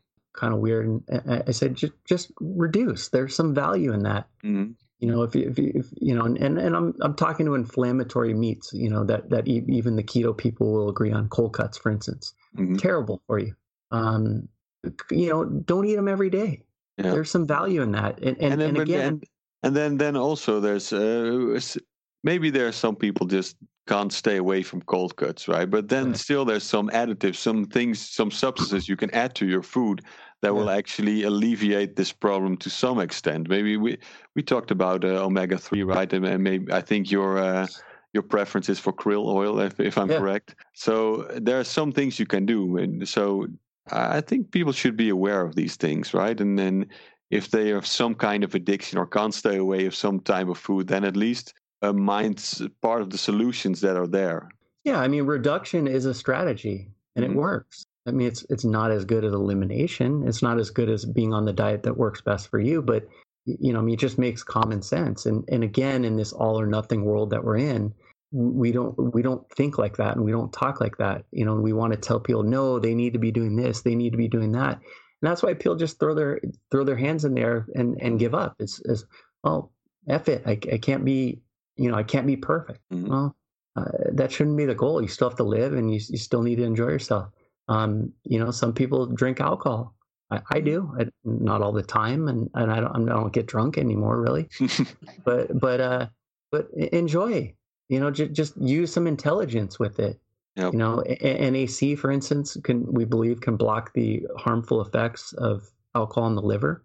Why not use it? I wrote an article you know on just common sense uh, you know one to two drinks for a man it, it might actually confer some legitimate health benefits Mhm.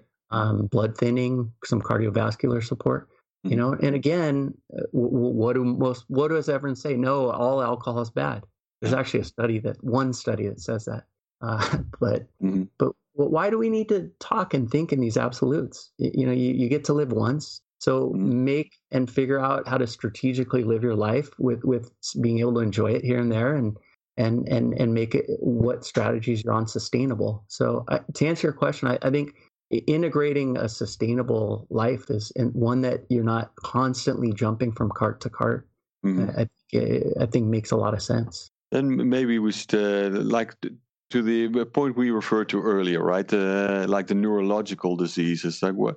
What are some of the um, main substitutes you would uh, actually say are, are well freely available, probably right in form of supplements or that kind of thing?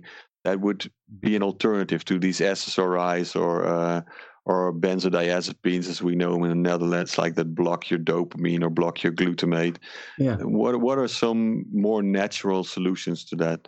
So the the problem, uh, you know, in, in every class seems to have their, um, you know, every class seems to have their, uh, you know, of all the different neurotransmitters, each one seems to have their own drug class that that has, you know, it's prob- problematic. You know, lowering dose obviously is a is a is a good strategy. Once again, that's reduction.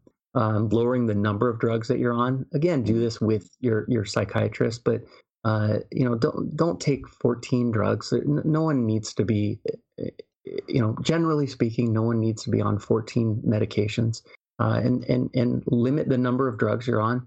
You know, try to avoid the ones that are really dangerous for your brain, such as um, anticholinergics, SSRIs. I, I you know, there, there's way better MAOI inhibitors now. Uh, if someone needs to be on a medication, uh, the stimulant medication for dopamine, uh, again, they found that in low dosages, it's it's it's neuroprotective, meaning it protects your brain. hmm And of course, the opposite is true once you go past a low dose of it. Um, some of the acetylcholine uh, drugs, uh, you know, can be good.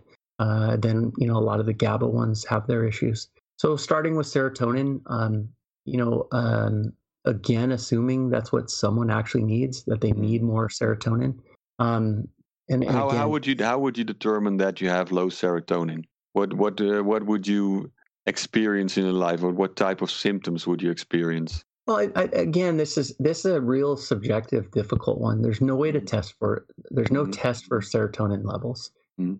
so May- maybe maybe short for a lumbar subjective. puncture or something like that. what's that Maybe short of a lumbar puncture or something like that. well i mean it, it's totally subjective Mm. uh, you know you can get genetic testing that tells you uh, you know tells you about your M A O A and B which are the enzymes that break down serotonin amongst the other neurotransmitters but you cannot test for actual levels. So and and and But so that, questions then, then, then it's interesting because if if we arrive at that point that you cannot actually test for those levels, then what is the basis of actually prescribing uh, medication that adjusts those levels? That that would normally be the way to go about prescribing medication, right? You you test for some kind of level of a substance in your body, and then you try to correct for it. So Yeah. what is the, what is the way that, that a medical doctor goes about prescribing this kind of neurological medication. Well, again, they, they, we they they there are some newer drugs uh, that that that seem to be better than SSRIs, but the problem with SSRIs, as we discussed earlier, is that they do have profound side effects. Maybe not as much as the the old tricyclics and the old MAOIs, which you know basically those are the three type of antidepressant drugs used on label for depression. Um, but the problem is that you know when they test SSRIs in studies, they don't they don't really perform any better than placebo. Mm. So it's it's basically uh, you know if we're just being fair, it's it's a placebo drug that has the potential for side effects. Uh-huh. Um, and you know that that's not. Uh, That's a that- that- pretty pretty severe conclusion, right? Because a lot of people on that type of medication. hmm Yeah, and they, and they found um, they you know we we found several uh, supplements are equally effective to SSRIs. So my thought on it is, if you think you need serotonin, and that's where you might be deficient, um, why not go to the supplement route if you haven't already started on a you know SSRI? They do SSRIs do have uh, withdrawals uh, issues, and there are dangers with um, ending use of it but w- let's go through some of them uh, and and really before i do just to uh, close the loop how do you know all, all i can say is this um, you, you you you just have to see how it makes you feel it's the same exact way a, a, a psychiatrist tells you it's the same subjective reasoning uh, that a psychi- psychiatrist tells you when he sends you home with an ssri which is typically what everyone gets as a first line of treatment Mm. um, if your serotonin has been activated, you'll notice that things subjectively look and feel brighter. That that's probably the uh, you know what I can uh, give is is that there's a brightness. Like in, you mean mood mood wise? You mean? Yeah, um, but you also see things brighter. I mean like actually more light seems to be there uh, at the same time? Okay. Yeah, like everything's brighter. That's how I experience it. Mm. Um, is is it experienced that way universally? I don't know. I'm I'm not in someone else's body, but I've heard other people. I've heard, and again, this is pure anecdote because that's all we got. hmm Uh, I've heard other people describe it the same way. Things look and feel brighter. Is is it the cure all? Like, did did it fix me? Um, and and interestingly enough, not a single SSRI ever made me feel that way Mm. in terms of serotonin activation. So I don't even know what they were doing Uh-huh. to I was taking them. Certainly not making me feel better. I, and I tried them. I don't even know how many. So, wha- what are some of the substances you use that actually made you look and feel brighter? Well, so if we're stuck, we're we're still on serotonin. Um, Mhm. Saffron is one. Um, A lot of people use kratom. Uh, I'm not advocating it. I know that I know that a lot of people have a stigma with it, and, Mhm. and it's unjustified and it's unscientific, and it's just people. You know, it's it's it's a plant from Southeast Asia that's new, even though it's been used for 200 years. Um, you know, and, and people um, you know anything that's new is seem we, we have some fear of it but it activates serotonin Mhm. it activates you know the the it activates your dopamine as well Mhm. um, I, is- I is know some perfect? people uh, who, t- who took it uh, It helped them with uh, getting from uh, depressiva. Yeah. Stop using it. And also other drugs. But you have to take it, it, it in it, small doses and not every right. day, but um, two times a week or so. Continue. Yeah, yeah.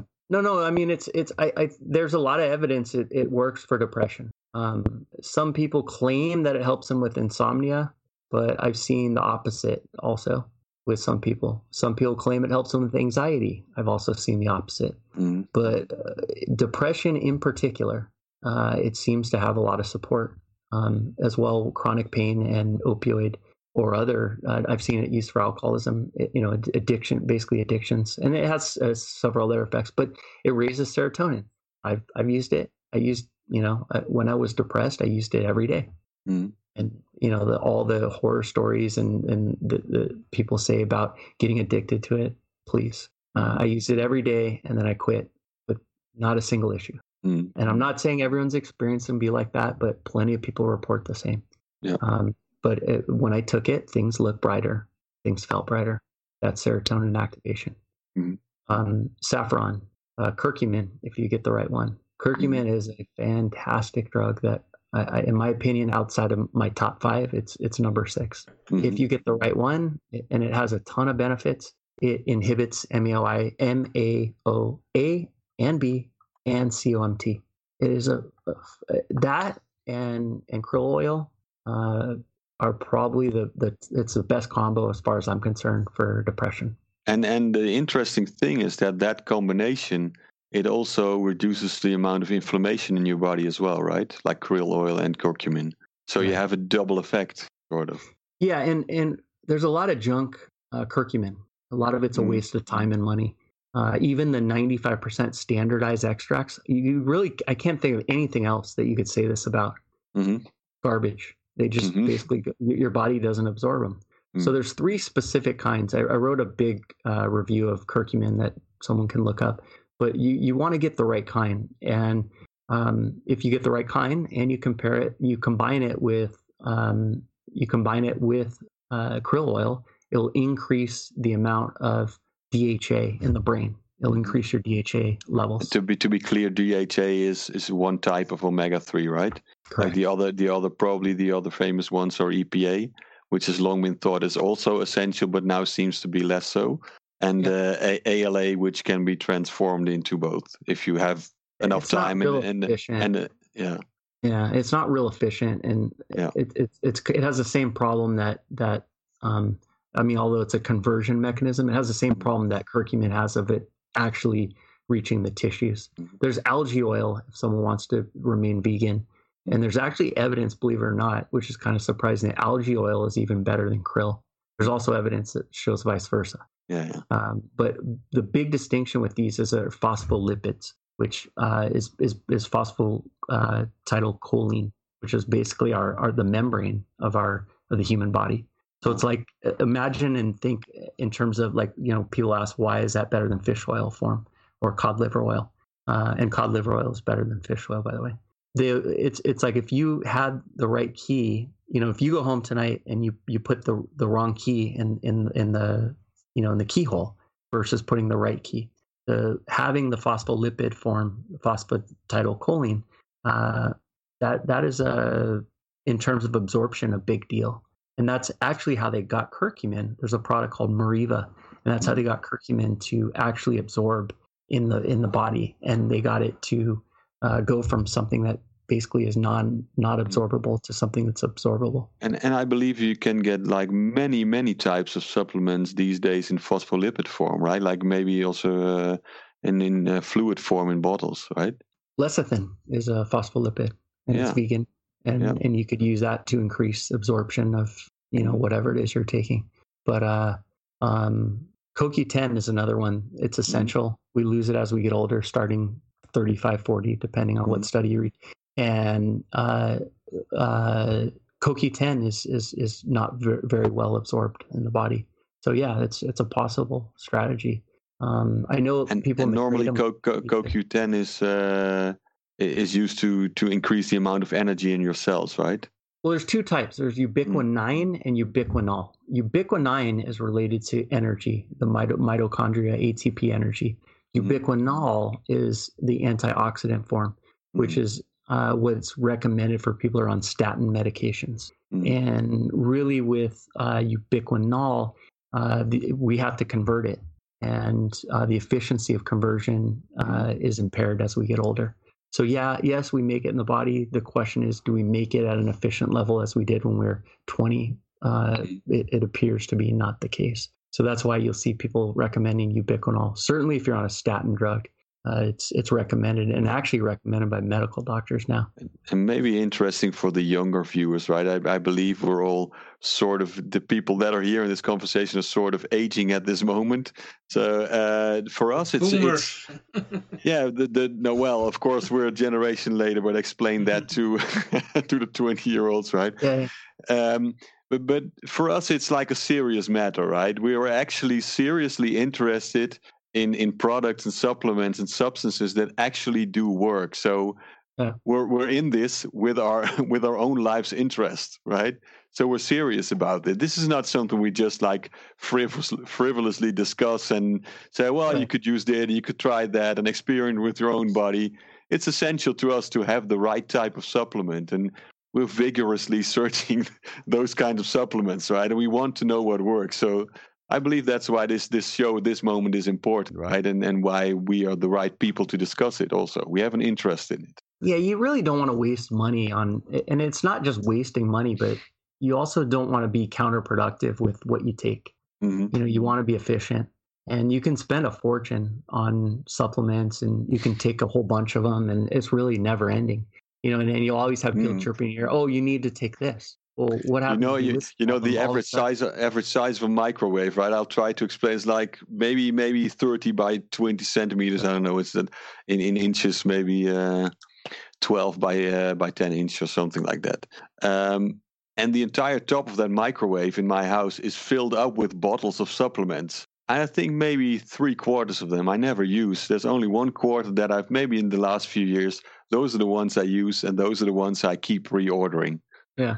And and now in this COVID nineteen crisis, uh, I I order selenium and zinc, vitamin D, vitamin E, and maybe some general uh, multivitamin supplement, and that's Yeah. about it. Yeah. I don't go about taking all these kinds of different supplements that maybe do something or maybe interfere with what I'm actually trying to reach. So be specific about it, right? And and be have a goal in mind of what you want to focus on. Yeah, Okay. figure out what what you actually need. I mean, I, I used to probably take 40, 50 things, hmm and I'm about half that now. Yeah. Which it still sounds like a lot for most people, but Mm. you know, I, I, I get an ROI on them, and the ones I take work. I know they work. hmm I mean, d- does a multivitamin work? I, I believe it does. I don't actually feel it, but hmm um, you know, and, and But- does does Speaking in terms of ROI, like return on investment, right? Uh, uh, what would you say is the financial benefit of using supplements instead of being on uh, regular medication if you would actually pay fully pay for the medication that you would get from a medical doctor? Sure, and that's a good question. Um, really good question. I, my background and and probably my earliest influence uh, at the University of Arizona was uh, was Dr. Weil, Andrew Weil. He has a website. I, I don't even know what it's called. I think weil.com. He started the school of what's called integrative medicine. So this is a medical doctor that had a big influence on on from Eastern medicine and he basically you know his idea in formulating the the integrative school and a lot of it's outdated he hasn't updated his website and and people complain that you know that that he's still promoting soy and and stuff Mhm. and and and for good reason you know with with new information we you know we evolve but generally speaking overall his uh, his major contribution was was the idea of integrative medicine and you know a lot of the way i think was influenced heavily by how his school uh, is is is basically puts out their thought is natural first, and if you still need a, a medication, then you know have at it. But you know the, it's it's not about taking 14 medications and trying uh, medication first. Some people need to be on drugs, absolutely. Um, uh, you know, there, I can find you a, a, something natural for pretty much everything. Mhm. Uh, but is it going to work for everyone? Are they willing? Are they willing to do the things that are needed in their lifestyle to make it work? Because Mhm. you know, there's only maybe five to ten supplements that are that are 100% as effective, or maybe more than their counterpart uh, RX drug. So I think um, I think that integrative thought process is is how I look at it, and and I, I think it would benefit others to look at it that way and, and limit the amount of medications that they take. And, and, and if you if you look at it cost wise, and I don't know if you were fully covered for all the kind of types of medication you had in your past, right? No, so maybe you could make a comparison of what you were spending each month on those medications, what you're spending now on supplements. Well, the, I mean, it's it's hard to compare because I think look at it this way. For instance, um, I take ubiquinol. Mm-hmm. It's essential, in my opinion, once you you know, once you, you're in your late 30s, 35, 40.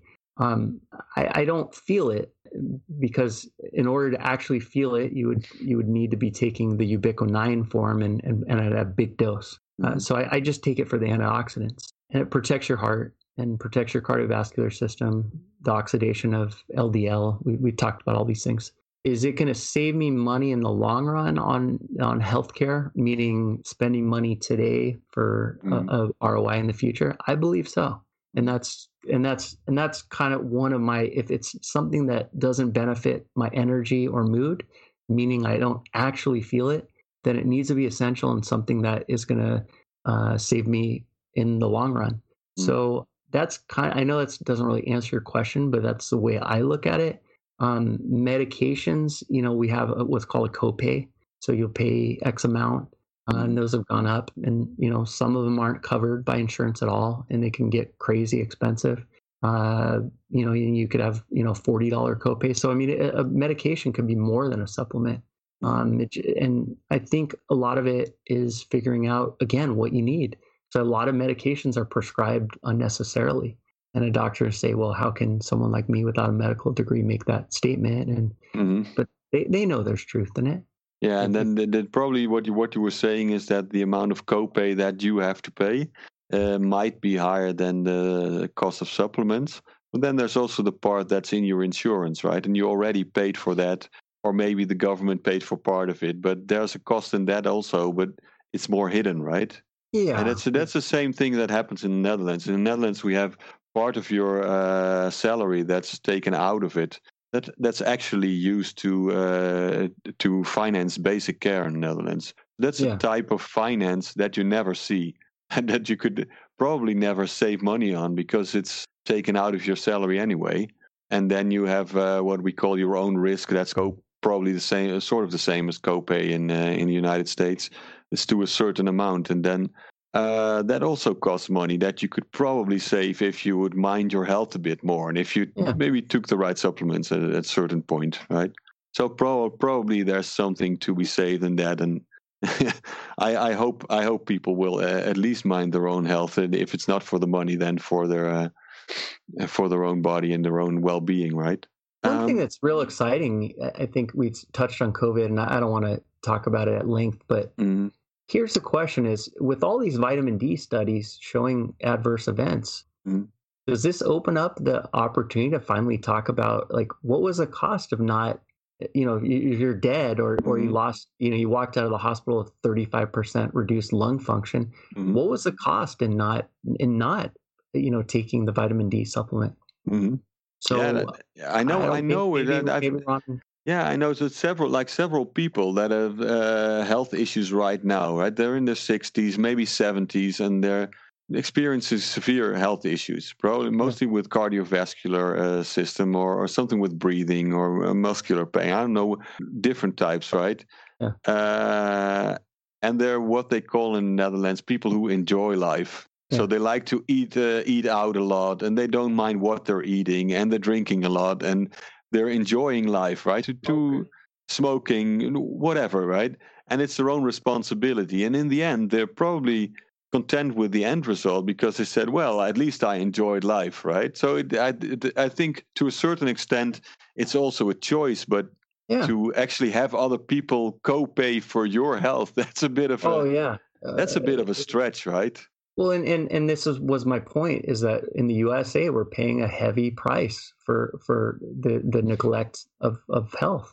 Um, it's it you, it has to be reconciled at some point, and and you can't this can't continue mm. uh, the way it's been going. And and you know, yeah, we're we're a large country, and yes, the government was incompetent, and yes, the government didn't you know didn't uh, you know per, on, intentionally ignored the, the the intelligence. But a mm. fourth factor is, is our our sickness. You know, if if if this continues, we and I wrote an article on this one too. Mm-hmm. We're, we're not healthy enough to Americans are not healthy enough to go back to work. We are all paying the collective price in terms of this herd immunity for having a, a society that that is you know 45% sick that that's just unsustainable. We're, we're carrying them all on our backs not just with our pocketbook although you could say that this prolonged uh, you know this this prolonged uh, shutdown was mm-hmm. was basically cost all of us and it did. But you know our cost of care is affected by this. Mm-hmm. and i don't know i don't have the answer other than the obvious. And uh, but yeah i, I think uh, it's it, it's healthcare is expensive due to the collective sure absolutely but, but still still you you uh, like i did in the netherlands you watch the graphs for the how covid-19 developed in the united states right and yeah. i think in the netherlands we're the curve is almost finished. Like it's almost flattened out, and we're probably somewhere at the end, right? right. Uh, so people don't worry about it that much anymore. But how how is that now in the states, and how has that development been, and what do you expect for the near future, or maybe the end of the year when when probably this virus will return? Well, you guys are healthier than us. Uh, mm. and I believe it, it, it, you know, you had a few weeks uh, where it started on us. Um, I, I, I, don't know. I, I, I, I know some European countries are healthier than others, and um, but you know we have an obesity epidemic, and and I think it's it, it it's going to come. I mean, assuming it, it we have a second wave, which there's no reason to think that we won't, and all we can do is assume at this point. Assuming we have a second wave, the obesity problem is going to is another lead. It's a lead anchor, and the fact that yeah, people aren't taking it seriously, and it's just going to make it spread more and um, I, you know, I don't have a problem with the way Sweden handled it uh, in terms of you know trying it. Uh, you can't mm-hmm. fault him for that. I, it looks like he was wrong. The minister of health was wrong. So what? At, at least it was a plan. We, we never had a plan. Mm-hmm. So, and we still don't have a plan. So the the lack of a plan uh, combined with a sick sick people uh, is not a good formula. So and and I, I your know. and that there would be uh, we talked about this earlier in the show, right? That that you also have the idea that the American people don't take enough responsibility for their own health, right? Right. So, uh, how how would you say that came about, and and what would be a, a way out of that? Um, it, it's the the American phenomenon is is um.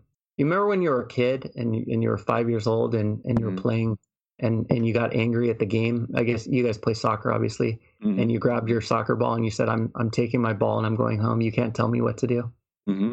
Yeah, there's a lot of that that colors our thinking, and and I think you know affects all of us to some degree. Um, but I, I, think it's the the conflation of um, you know of freedom, meaning uh, eat whatever you want, which is great. Uh, if if that's what you want to do, you should have the freedom to do that. I'm I'm all for it if that's your choice. Mm-hmm. Um, but but do it uh, responsibly with the idea that knowing that that there there's you know cause and effect and there's always there's always consequences to any action. Um, but it but it's a it's a big problem in the government. You know, and I I I not a fan of the government in our lives all the time, but at the same token, when the government has tried to make efforts to talk about health, they've been ridiculed and and and they've been said that you know that they're trying to take away people's freedom. Mm-hmm. So there's a false complex equivalent, and there's a false equivalency between the two. I've seen also uh, documentaries uh, about the issue uh, in America of uh, obesity, and what one said that it's because of the, the food pyramid. Uh, they say that's um, scientifically not totally correct. Yeah. And the other one was uh, the subsidies for corn and that's because of that there's a lot of uh, corn syrup in the soft drinks and yeah. in the netherlands or in europe we have other forms of sugar they're less uh, make you less fat and uh, so that's also an, uh, an, an reason that uh, the americans get so big fat Yeah, we, we, we add sugar to our sugar. yeah, yeah, yeah. what's the difference between uh, the, the the sugar that uh, that's in the, the soft drinks in Europe and uh, the corn syrup in the USA? They, that Well, the- ma- makes you more fat. Yeah, yeah, it's it's a huge problem. Uh, the FDA, who I'm generally not a fan of, Mm. they uh, that, that stands for Food and Drug Administration. Yeah. You know, basically our Minister of Health. Think of it that way.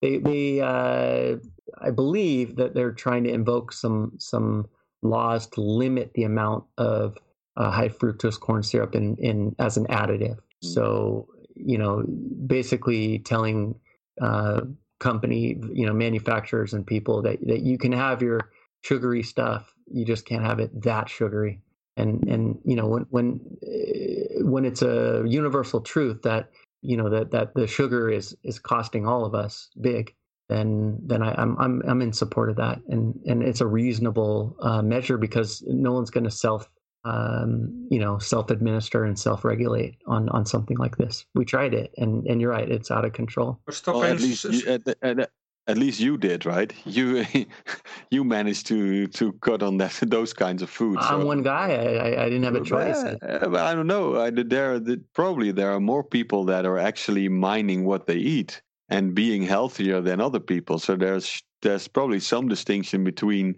some people and other people that that makes it those other people get obese and then the rest of the population does not. So But what about? Yeah, I mean, what, what about stopping subsidizing the corn industry? oh, sure, for sure, yeah, of course. I mean, uh, then the corn gets a bit ex- more expensive, and maybe then they put less of it in the drinks. Let, let's subsidize your Brussels sprouts. I mean, uh, why, why not subsidize? That's sub- well, that's, an, no, nothing. that's an in, in, interesting thing, right? Yeah. That um, in the Netherlands, the uh, every type of grocery is now uh, have a value value added tax of twenty one percent. Yeah, So even the vegetables that actually you would think that a government would want to sort of subsidize or tax less, but no such thing. yeah, it's uh, our priorities are messed up. That's weird, right? Yeah. yeah. Uh, um, and about what, what do you think about the, the, the food pyramids? Oh, it's I mean, it's a joke. No, no one looks at it. Uh, it's- Well, in, in our I think we stopped country, looking at. we, we- we have in, in our country we have it, and especially the like the boomer generation, they are uh, taking it very serious. Be- Yeah. But they are kind kind of like uh, brainwashed uh, in schools, and you know. Yeah, but that also had to do with, uh, well, grandpa's telling a story here, but it also has to do with uh, uh, that we had a, a sort of overflow of uh, of agricultural products, like after the Second World War. uh, Then there was uh, uh, the the assignment for the minister of uh, of agriculture in the Netherlands was to increase production like uh, maybe tenfold or something and then at a certain point we had the butter mountain and the milk lake and and we had to get rid of those right because there was way too much production coming out of, uh, of agriculture and Yeah. so we had the we had these commercials on TV saying uh, milk is the white engine, right? Tho- those kinds of things. you, you you're lucky that you're in the states, but we produced uh, I too I much apples, you know, too I, much I remember apples. that from the 80s, from the beginning of the 80s, that you actually had these uh, these things, and, and it- people now they just can't believe that we had those kinds of commercials, but they were there, Yeah. right? Yeah. Yeah. And then and, then uh, eat healthy, eat an apple Yeah, because we produce too much apple. Yeah. Yeah. Well, I mean, apples are the number. I think the number one most heavily pesticided food on, on the Dirty Dozen list. But Uh, you know, if you well, eat to organic look at them now, they are some they're totally shiny. They gi- even give light Yeah, in the dark. but- but that's that's a weird thing, right? It's it's supposed to be a fruit, so you'd probably think that's healthy to eat just as is, right? But Yeah. you probably first have to wash it with dishwasher soap or something like that. It's yeah, totally so, weird. Soak in uh, apple cider vi- or vinegar and uh, baking soda to, Yeah. to yeah, Okay. yeah, nasty. it's it's a weird weird world okay so um yeah we we we got stuck actually at serotonin and not to make this a very long show but i'd, I'd like i would like to address like two major neurotransmitters or neuromodulators in in your brain and that's dopamine and uh, gaba I Okay. think there's there's those two are like together with serotonin are like some of the main regulators in your mind, right? And of course, with GABA comes glutamate, with this which is in a balance more or less. Yeah, a good way to think of dopamine and GABA is uh, red light, green light. Hmm. GABA is your your red light. Uh, dopamine is a green light, or gas and brake on a car. Hmm. Um, you know, from a metaphoric standpoint. So your dopamine's your your motivation, your reward system, uh, pleasure. Um, it it it it's involved with cognition, not to the degree acetylcholine is, but it's it's it's a big big uh, player. Um, and uh, GABA is your is your primary inhibitory, meaning it's your your primary uh, relaxation um, neurotransmitter in the body. So you know, there's two ways to look at it: excess uh, dopamine uh, or uh, slow um, COMT, meaning the or MAOI, meaning your body's not clearing dopamine, so you have uh, excessive dopamine is causing anxiety, or and or uh, low uh, GABA uh, activity is um, is causing anxiety. Um, you could also have the same. Uh, you could also apply this to sleep and other uh, disorders. Whereas invariably, and again, this is just my theory, I, I think a lot of you can find support for it.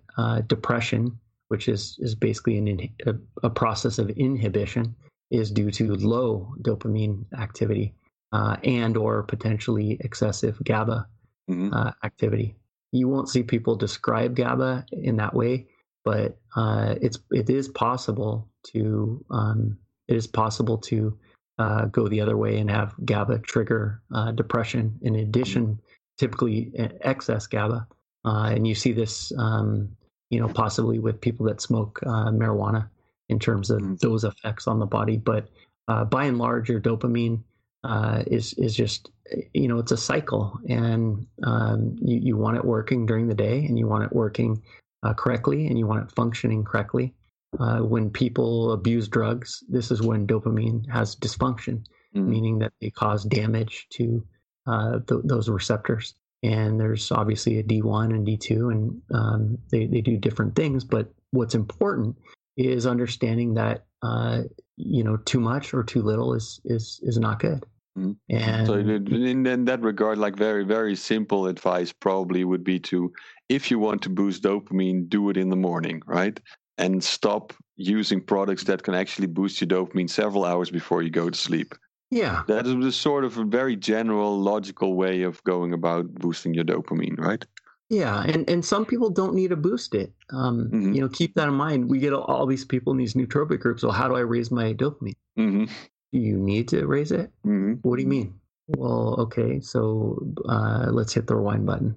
And you know, invariably people talk about GABA, and generally these are people knowing this is what they need, or or they created, you know, they damaged, uh, you know, and, and you see this uh, basically drugs of abuse uh, function on GABA, meaning these are you know anxiety medications um, or or substances like phenibut where they're abused and it damages um, GABA. And this is how and why people have uh, withdrawal synd- symptoms and they have issues with, um, uh, you know, getting off of these type of substances. Uh, Xanax, of course, but uh, invariably dopamine. You know, people that abuse stimulants, meth, cocaine, um, pharmaceutical stimulants. Again, these substances have been found to be protective in low dosages uh, and the opposite in excess of low dosages. Well, you know, these are drugs of abuse. You don't see people abusing drugs that operate on serotonin. You know, you, you don't see people abusing mushrooms. You don't see people abusing um, mescaline. You don't see people abusing LSD, partly because of the uh, built in mechanism of accelerated tolerance, meaning it just basically, you know, for the most part, most of these, except for the uh, short acting tryptamines don't work the Mhm. next day. So Yeah, so it maybe Yeah. maybe with the exception of uh, say MDMA or ecstasy, that, that you can actually sort of overdose on. you can't. I mean, th- those have built-in uh, tolerance mechanisms as well, where they they Mhm. just don't really. You know, th- there's reports where people have used them three times and they Mhm. stopped working altogether from 3 Mhm. usages. So, um, it, it, you know, I, and I think why people have issues there, it's, it's, it's, you know, it's a little deeper than just serotonin and a little deeper than just dopamine. Mm-hmm. Uh, but, but, you know, when, when it, when a drug is concentrated primarily to dopamine, uh, as we see with classical stimulants or, um, sedatives, as we see with GABA, that's where they, you know, and they abuse them. That's when they have damage and uh, and you know they, they manifest themselves in different ways. You see anhedonia, depression, typically with dopamine. And this is people that um, they lose their motivation and desire. Uh, they basically it's it's basically a, a depressed a condition of depression where you you lose the feeling, um, you know, of pleasure.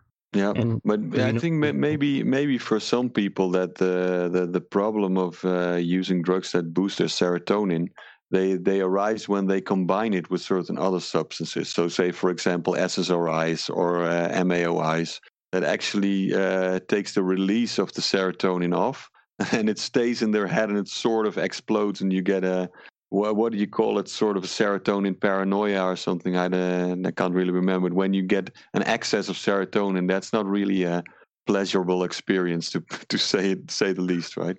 Right. You're talking about serotonin syndrome. So yeah. um, 5-HTP um, mm-hmm. uh, and, of course, MDMA um, both can do that because they're directly binding rather than mimicking the effect mm-hmm. of serotonin. And this is a big distinction, you know, when, when we talk about serotonin substances, you know, people just grab 5-HTP because it's the most common. Uh, and I, I have a, you know, I have a story from from taking 5-HTP and um, you know when I didn't really know what I was doing. And I, I consider myself reckless because I didn't fully research things. And luckily I didn't do any damage but I could have.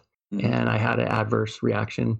And um, and this is no knock on 5-HTP in general. It's it's appropriate for certain people at, at the appropriate dose when used correctly. But um, a lot of people are better off using serotonin substances that that that are not um, as problematic in that sense mm-hmm. as as 5-HTP and and our more you know lighter substances. Yeah. But um, so you know, and, and there's plenty of them, and uh, that that act on uh, in, in, the mimicking of, of serotonin and and mm-hmm. will in effect boost the subjective experience and feeling of, of serotonin and possibly as well MAO A and B. But so for people that that actually did did the research very well, right, and they experienced that the uh, that they have either shortage or or too high a level of dopamine or too high or low a level of GABA. Uh, what would be the substances that have effect on on those levels? So um, there are two that are probably the strongest dopamine. They call them dopaminergics in the nootropics community mm-hmm. uh, that I can think of. I use one of them, Mucuna, Mucuna pruriens.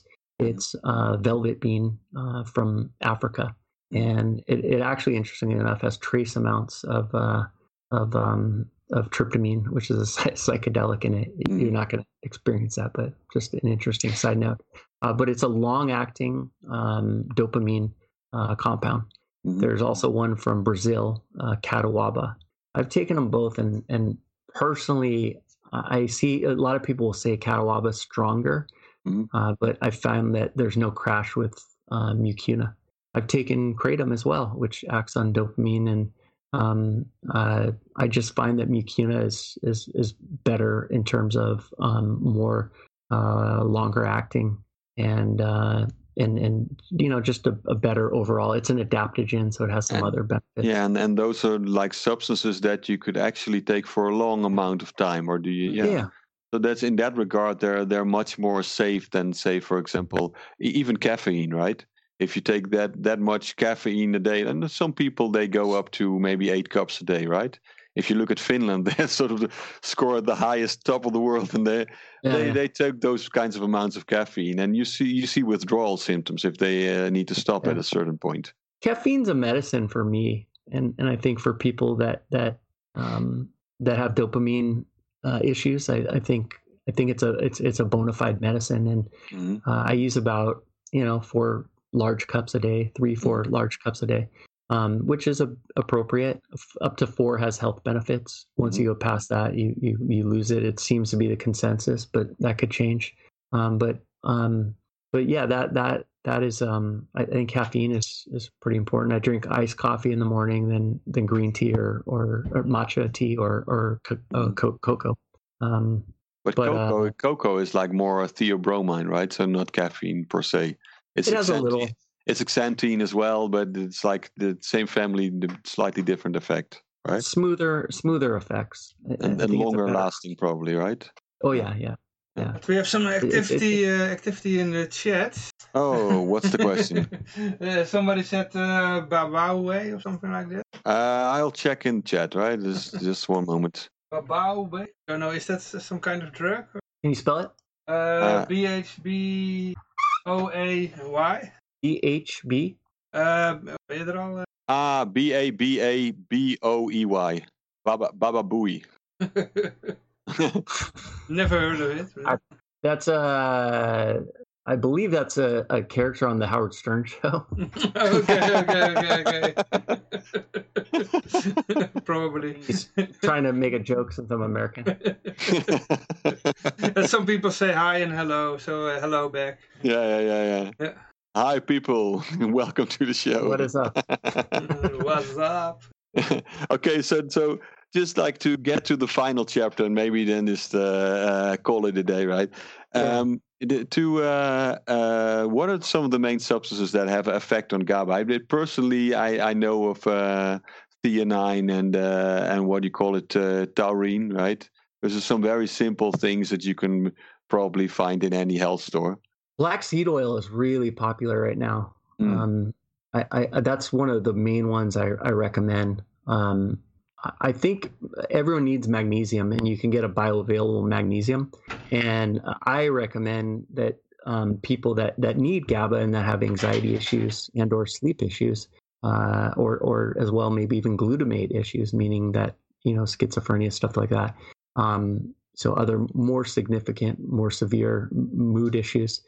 I recommend that they get their magnesium either in taurine form, which uh, is is similar to theanine, uh, or magnesium glycinate, uh, and, and that's a, that's a good way to to get your magnesium, which we all need, and we're pretty much all deficient of Mhm. eighty percent if you want to be technical. Uh, and then, and then get a calming uh, neuro uh, amino acid that works on GABA. Mhm. Um, some other options. Uh, a lot of people are using Bacopa.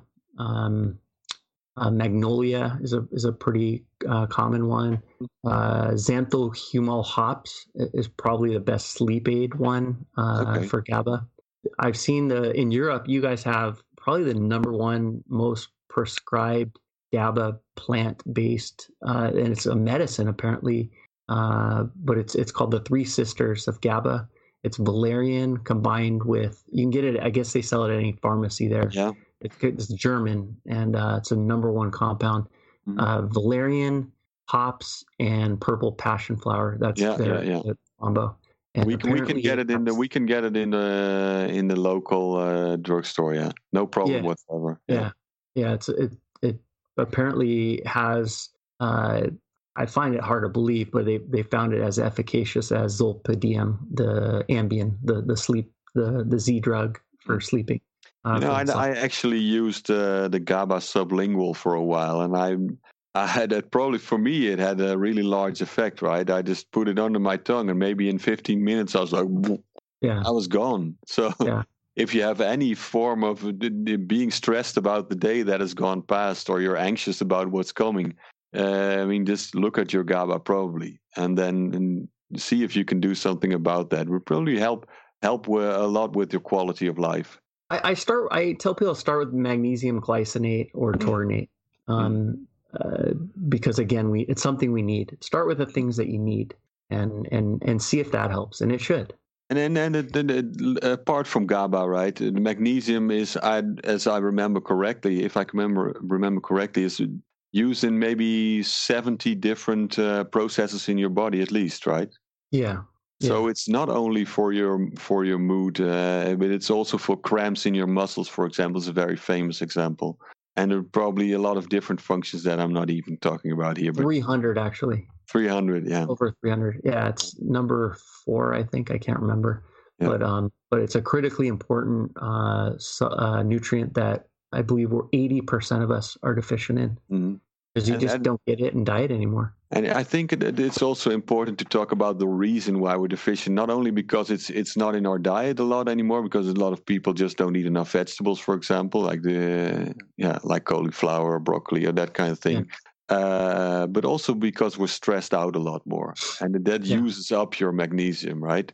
Yeah. So uh, a lot of food nut- uh, nutritionists will say to you, well, normally if you eat healthy, it should be enough in your food, but that's not the only factor if you have a very busy job, if you have a very busy life, if you experience a lot of stress, say, for example, uh, relationship wise, if you're moving to a different place, moving to a different house will also Yeah. bring a large amount of stress. So there's a lot of factors that can influence magnesium levels in your body. And it's good to mind that, I think.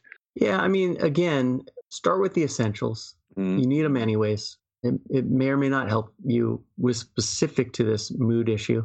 Yep. Uh, I, I believe it blocks excessive NDMA or uh, glutamate as an NDMA blocker, and that, that's a good thing, uh, which means it you know it has a neuroprotective benefit on the brain.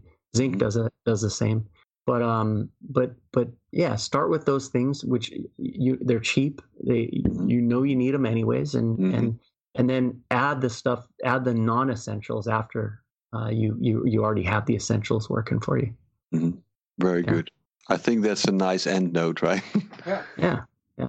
Okay. Yes. Well, thank you everybody for listening. Uh, All right, guys. Yeah. Of course. Uh, Thank you very much, Mark, yeah. for uh, Yeah. being a I'll see guest on the soon. show. Yeah. Yep. Yep. And uh, Hopefully, uh, Yeah. hope to, to have lunch in person uh, real soon.